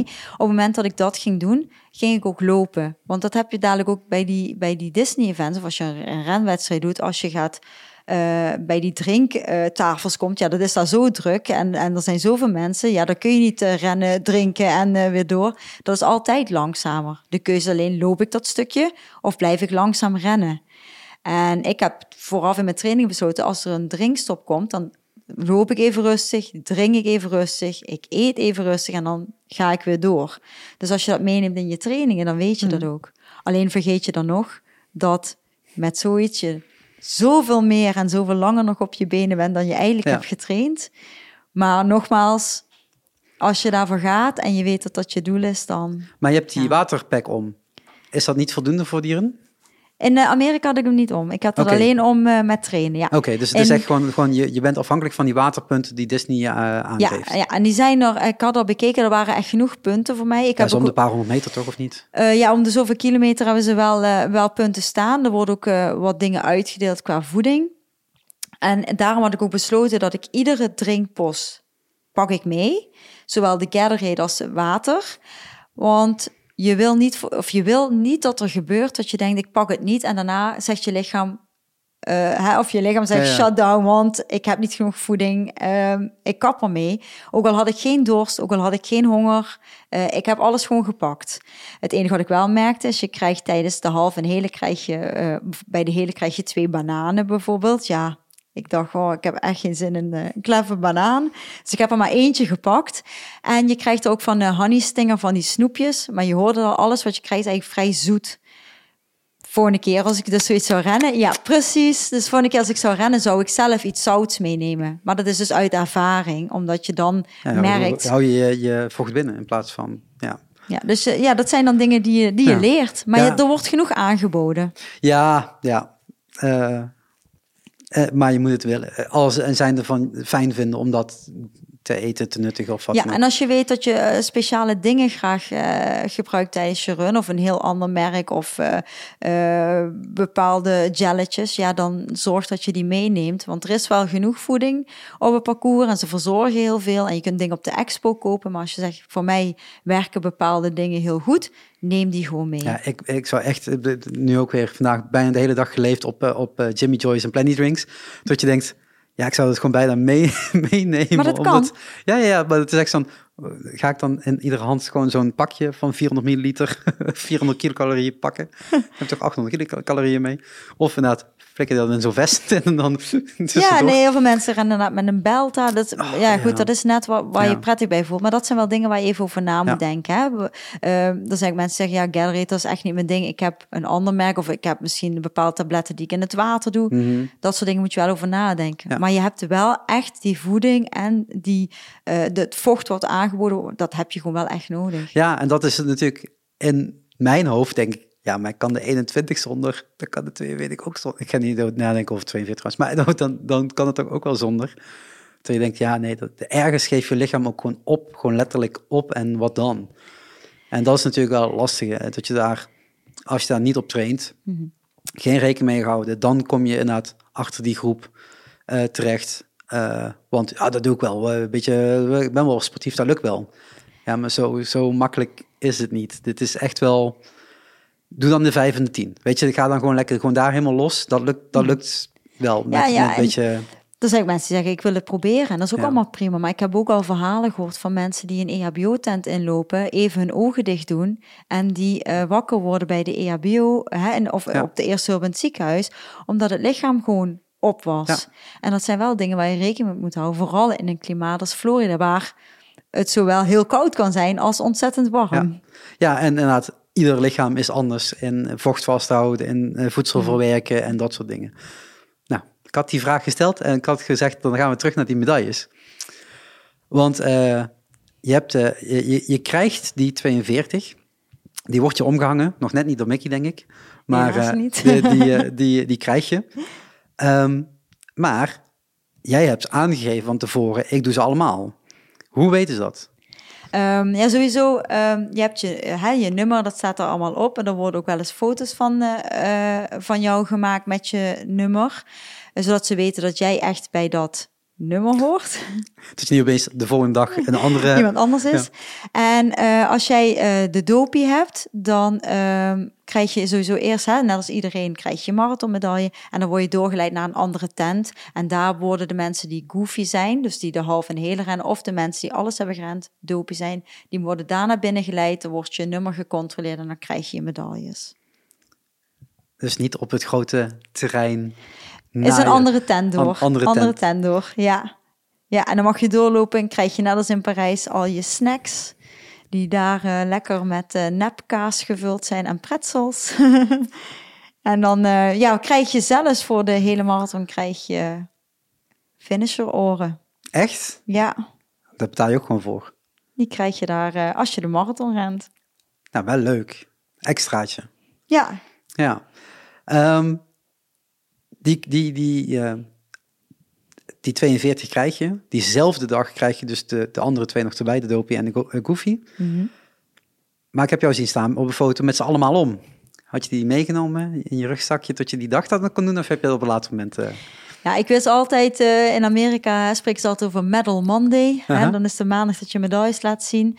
Ehm, nou, de dag zelf van de marathon zijn wij, eh, eh, hadden we s'avonds reserveringen bij eh, Skipper's Canteen. Dat is vlakbij de Jungle Cruise attractie. Ehm, ja, natuurlijk, dan draag je de hele tijd in je park draag je je dopie medaille. En iedereen feliciteert je de hele tijd. En dat is ja, dan, eh, dan voel je je echt een winnaar. Alsof je een hele grote race hebt gewonnen. Maar ja, iedereen heeft dat. En je feliciteert elkaar. En... nou ja, niet iedereen heeft die Dopie. Nee, maar iedereen feliciteert. Of je nou de vijf kilometer om hebt. Of de halve marathon. Of de hele. Of wat dan ook. Ja. Maar iedereen ehm, heeft die eh, medailles om. En die feliciteert elkaar. Eh, maar ja, nogmaals, dan komen we weer terug op... Je bent wel ontzettend trots als je mensen met deze medailles ziet. Of dat je zelf loopt met het hoogst haalbare. Ja, en de maandag zijn we het park ingegaan. Ja, en dan eh, hebben ze allemaal meegenomen. En dan zie je ook iedereen voor het kasteel foto's Ja, maken ja, met ja. al die medailles. Maar er komen ook mensen naar je toe, eh, vreemde mensen die je helemaal niet kent. En die zeggen, ja, mag ik met jou op de foto? Want eh, je hebt al die medailles gehaald. Of hoe komen jullie daar aan? En vooral als je nog iets langer blijft, ja, dan komen natuurlijk ook weer de andere toeristen. Heel veel renners gaan Ja, natuurlijk ja, na dat zeker. weekend Ja. weg. En als je dan nog met die shirts loopt of, of met je medaille, want ja, het liefst heb je hem natuurlijk de hele week om. Maar als je dan foto's weer ergens maakt, dan komen mensen toch dit vragen wat dat is en hoe je daaraan mee kunt doen. En heel veel mensen die dus helemaal niet weten dat het überhaupt bestaat. Maar ja, die medaille, je voelt je zo ontzettend trots als je daar gewoon de hele tijd mee loopt. Ja, nou, terecht ook. Ik bedoel, kijk, kijk in, in hoe je dit hebt bereikt en hoe je daar, hoeveel werk je daarin stopt om het te bereiken. Want we hebben het heel kort eigenlijk over, over je training gehad. Eh, maar dat is gewoon ja, dagelijks bezig zijn met dit als doel stellen eh, en daar naartoe blijven werken. eh, om het te kunnen halen. Het is gewoon niet, ik, ik ga het een maandje doen, dat komt wel goed. Nee, nee, uh, Nee. nee, dit is inderdaad een traject. Nee, dus je mag er echt heel trots op zijn. En, en terecht. dankjewel. dit, is, dit is een, een, een, een pad, een traject dat, dat niet iedereen is gegund. Eh, eh, eh, gewoon vanuit de fysieke kant niet ge- gezien. Eh, ik had het net al een paar keer, een paar keer gezegd dat ik er nog wel op, op terug wilde komen. Niet als positief of negatief, maar gewoon als in fact. Je zei het al, het is niet goedkoop. Nee. Eh, Disneyland Parijs eh, vraagt geld voor mee te doen aan de run. Mhm. Daar krijg je een shirt voor, daar krijg je de medaille voor. Dat is eigenlijk waarvoor je betaalt en nog een stukje deelnemersgeld. Hoe meer je dat doet, hoe duurder het wordt. Precies. Dat je denkt, mag ook goedkoper worden, maar dat doen ze niet. Ehm, ehm, dus je, je betaalt letterlijk voor dit allemaal te krijgen. hè. Het is niet dat je het van hun krijgt. Dit is Nee, gewoon, nee dat, dat betaal je daar voor. betaal je ja. voor. Maar die Amerikanen wonen daar. Ja, Die ja. pakken de fietsje en die fietsen daarheen. Jij moet nog vliegen, hotel, eh, eh, parkdingen. Ik ga het gewoon vragen, wat kost het? Wat kost het om dit te doen buiten al je trainingsuren, al je energie, al je, je, je gear kopen en dat soort dingen? Gewoon puur als je naar Disney wilt gaan, om dit te doen. De Rundopi-inschrijving, dat betekent eh, al die runs meedoen, de voeding die daarbij zit, het eten wat je krijgt, eh, medailles. eh, de hele mikmak bij elkaar ehm, is volgens mij 500 dollar. Dat wordt je goed, ja. Ja, Ja, ja. Dat 80. is dus alle, alle races. het is nog eh, steeds één op één ongeveer, hè? 500 dollar, 500 euro ongeveer. Dus ehm, ja, dat is, al, Ja. dat is al een hele investering natuurlijk. 80 euro, eh 120 euro per, per run. Ja, en het is natuurlijk Ja. hoe duurder, of hoe, hoe groter de race, hoe duurder. Ja. Dus de vijfde, tiende, halve, de hele en dan een goofy is natuurlijk duurder en dopie is het duurste. Ehm, goed, dat weet je als je daarvoor inschrijft. Die prijzen zijn bekend, staat allemaal op de Run Disney site. Dus we wisten dat, dat, hè, dat je Mhm. daarvoor gaat sparen. Maar ja, dan krijg je dan een vliegticket. Ja, goed, eh, Amerika vliegticket op dit moment. ehm, ehm, wat, zal, wat zal het nu zijn? Ja, in de winterperiode. Ik denk dat, dat je ook wel eh, gauw op een eh 500 euro zit voor een, voor een vliegticket. Mhm. Ja, en dan heb je nog een Disney resort. En daar zijn die keuzes natuurlijk weer in. Keuze is reuze. Ja, en dat, eh, ja, daar betaal je nou ook wel echt flink voor. En dat eh, eh, durf ik niet uit mijn hoofd te zeggen, maar dat betaal je ook wel voor een hele week. Misschien wel ook een twee, 2.500 euro voor. Ja, dat is dan nog, en, de, de toegang tot, tot alle parken, inclusief hotels, wat je dan voor dat bedrag... daar komen nog apartje parken bij. Oh, oké. Ja, en En als alleen je... slapen, 2,5.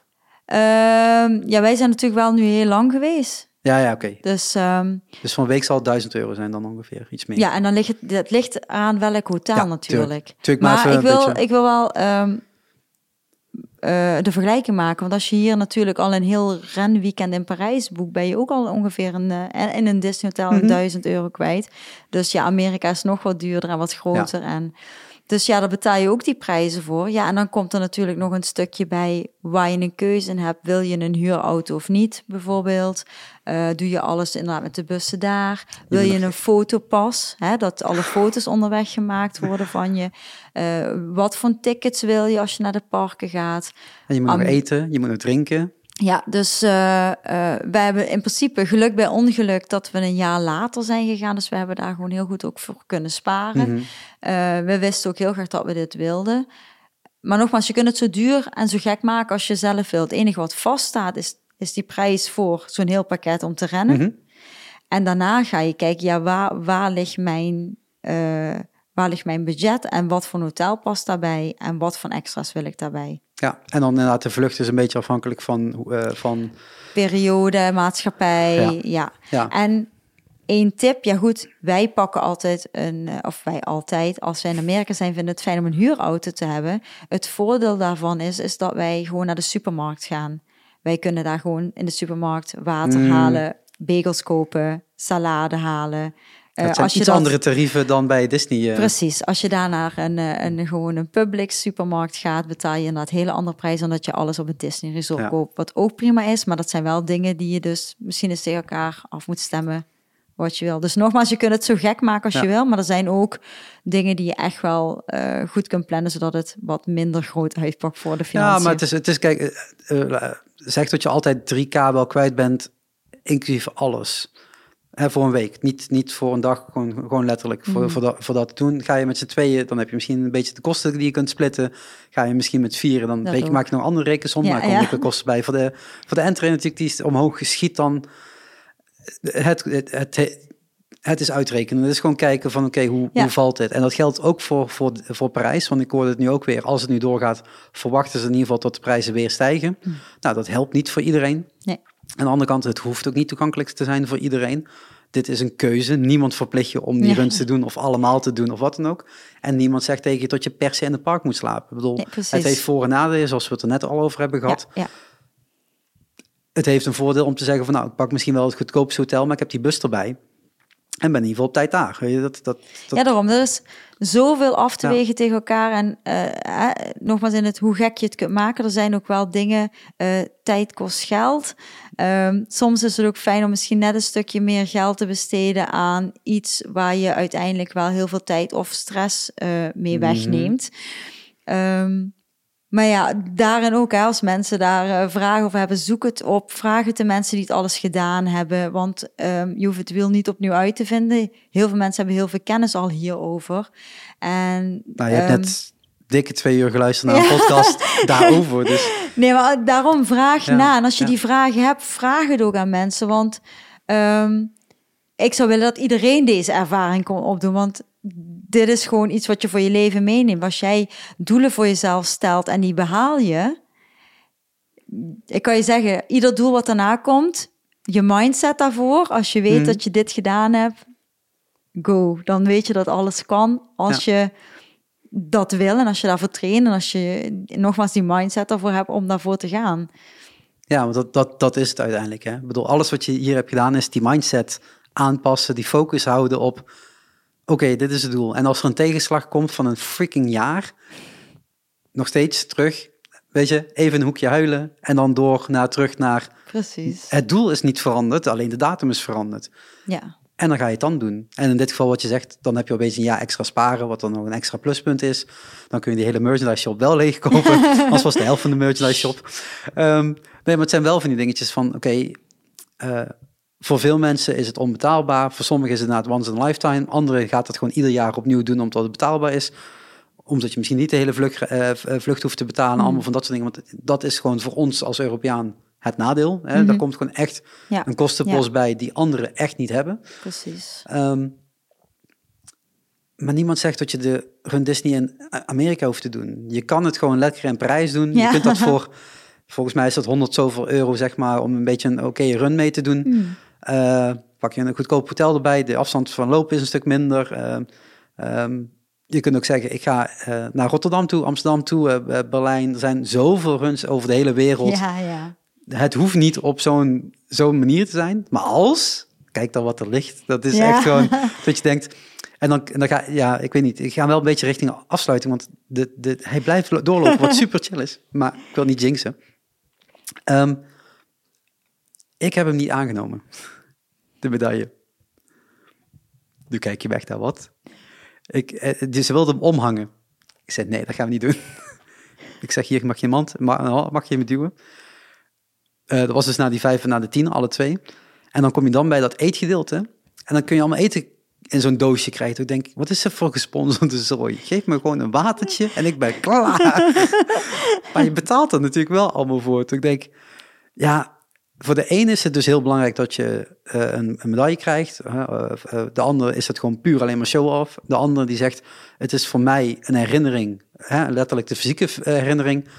En de ander, zoals mij, die zegt, ik heb die run gedaan. Dat was voor mij het belangrijkste. Alle andere kan voorbij gestolen worden. Maar ik kijk nog steeds heel trots terug dat ik gewoon in Disney twee runs heb kunnen doen. En hopelijk de volgende keer drie runs. Ehm, dus ja, het is ook gewoon, iedereen gaat er, zoals we net eigenlijk twee uur hebben lopen zeggen, iedereen gaat er anders mee om. Vanuit de training, vanuit eh, van wat zijn je doelstellingen, hoe lang wil je daarover doen, hoeveel geld wil je eraan uitgeven, waar wil je rennen. Rennen is leuk, niet voor iedereen. Maar probeer, probeer het gewoon eens een keer. En niet voor een week, gewoon langer. Ja, doe het voor jezelf. Ook alles wat je haalt, dat zeg je heel goed. Doe alles echt omdat je het zelf wil. Stel je eigen doelen en meet je niet met anderen. Als jij iets wil, ga je voor dat eigen doel. En dat kan met rennen. Ehm, maar ga er echt voor jezelf voor. Iedereen vergelijkt tegenwoordig in deze wereld met elkaar, vooral social je media. Instagram, ja. Ja, precies.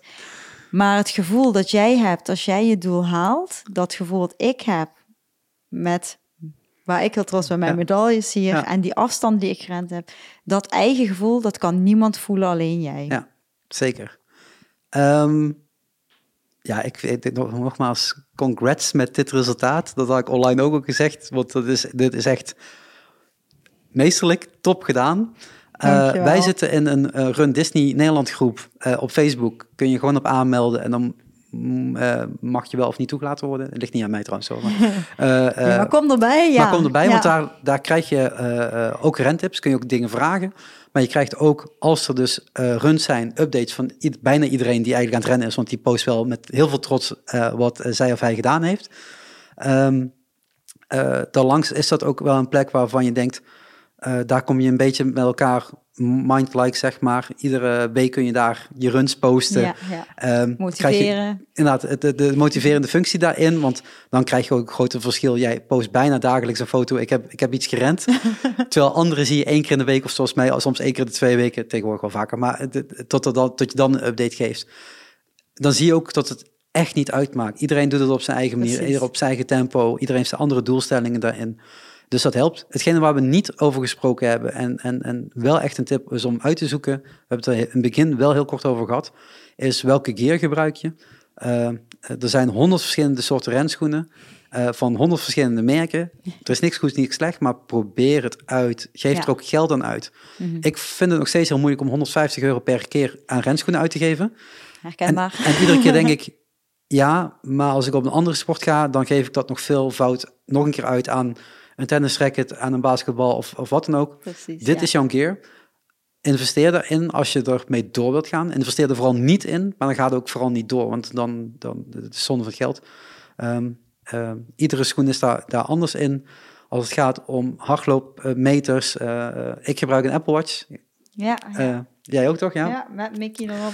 Ja, eh, eh, eh, dat kan, dat kan bij, bijhouden, maar je hebt ook van Garmin of van, van anderen heb je meetinstrumenten.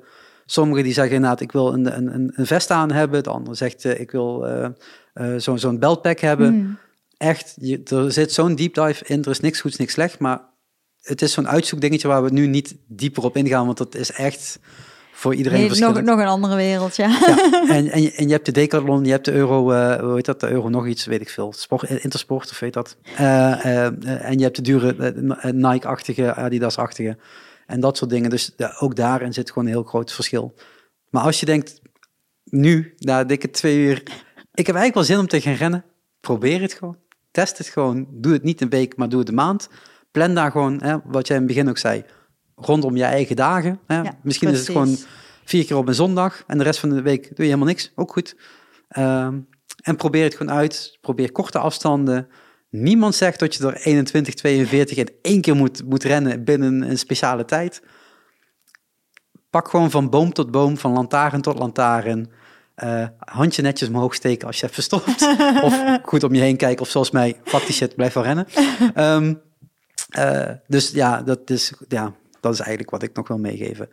Maar de afsluitende woorden zijn natuurlijk aan jou. Dus ik, eh, ik leg mijn microfoon eh, neer. En jij mag nog wat eh zinnigs zeggen tegen de luisteraars die dit helemaal vol hebben geluisterd. En denken, die Schrik is ook weer lang weg geweest. Ja, dat klopt. Ik heb ook andere, toe, andere dingen te doen. Ik vind podcasten maken nog steeds heel leuk. maar ja, het lukt gewoon niet op een regelmatige basis. Daarom subscribe, gedoe, dat soort. Dan weet je in ieder geval wanneer er een nieuwe podcast online staat. En nou, de laatste woorden, jou. Ja, het enige wat ik kan, eh, kan zeggen is dat als je een doel stelt voor jezelf en je wil dat echt halen en je voelt dat in iedere ader, ehm, ga ervoor. Maak een schema, maak een plan, hou je aan het plan en dan zul je zien dat je uiteindelijk ook echt dat doel gaat halen. En als je dat doel haalt, dan is alles mogelijk. Dus ehm, trek de renschoenen aan, naar buiten toe en eh, ren je rondje. Ja, ik ging niks meer zeggen. Doei. Dankjewel.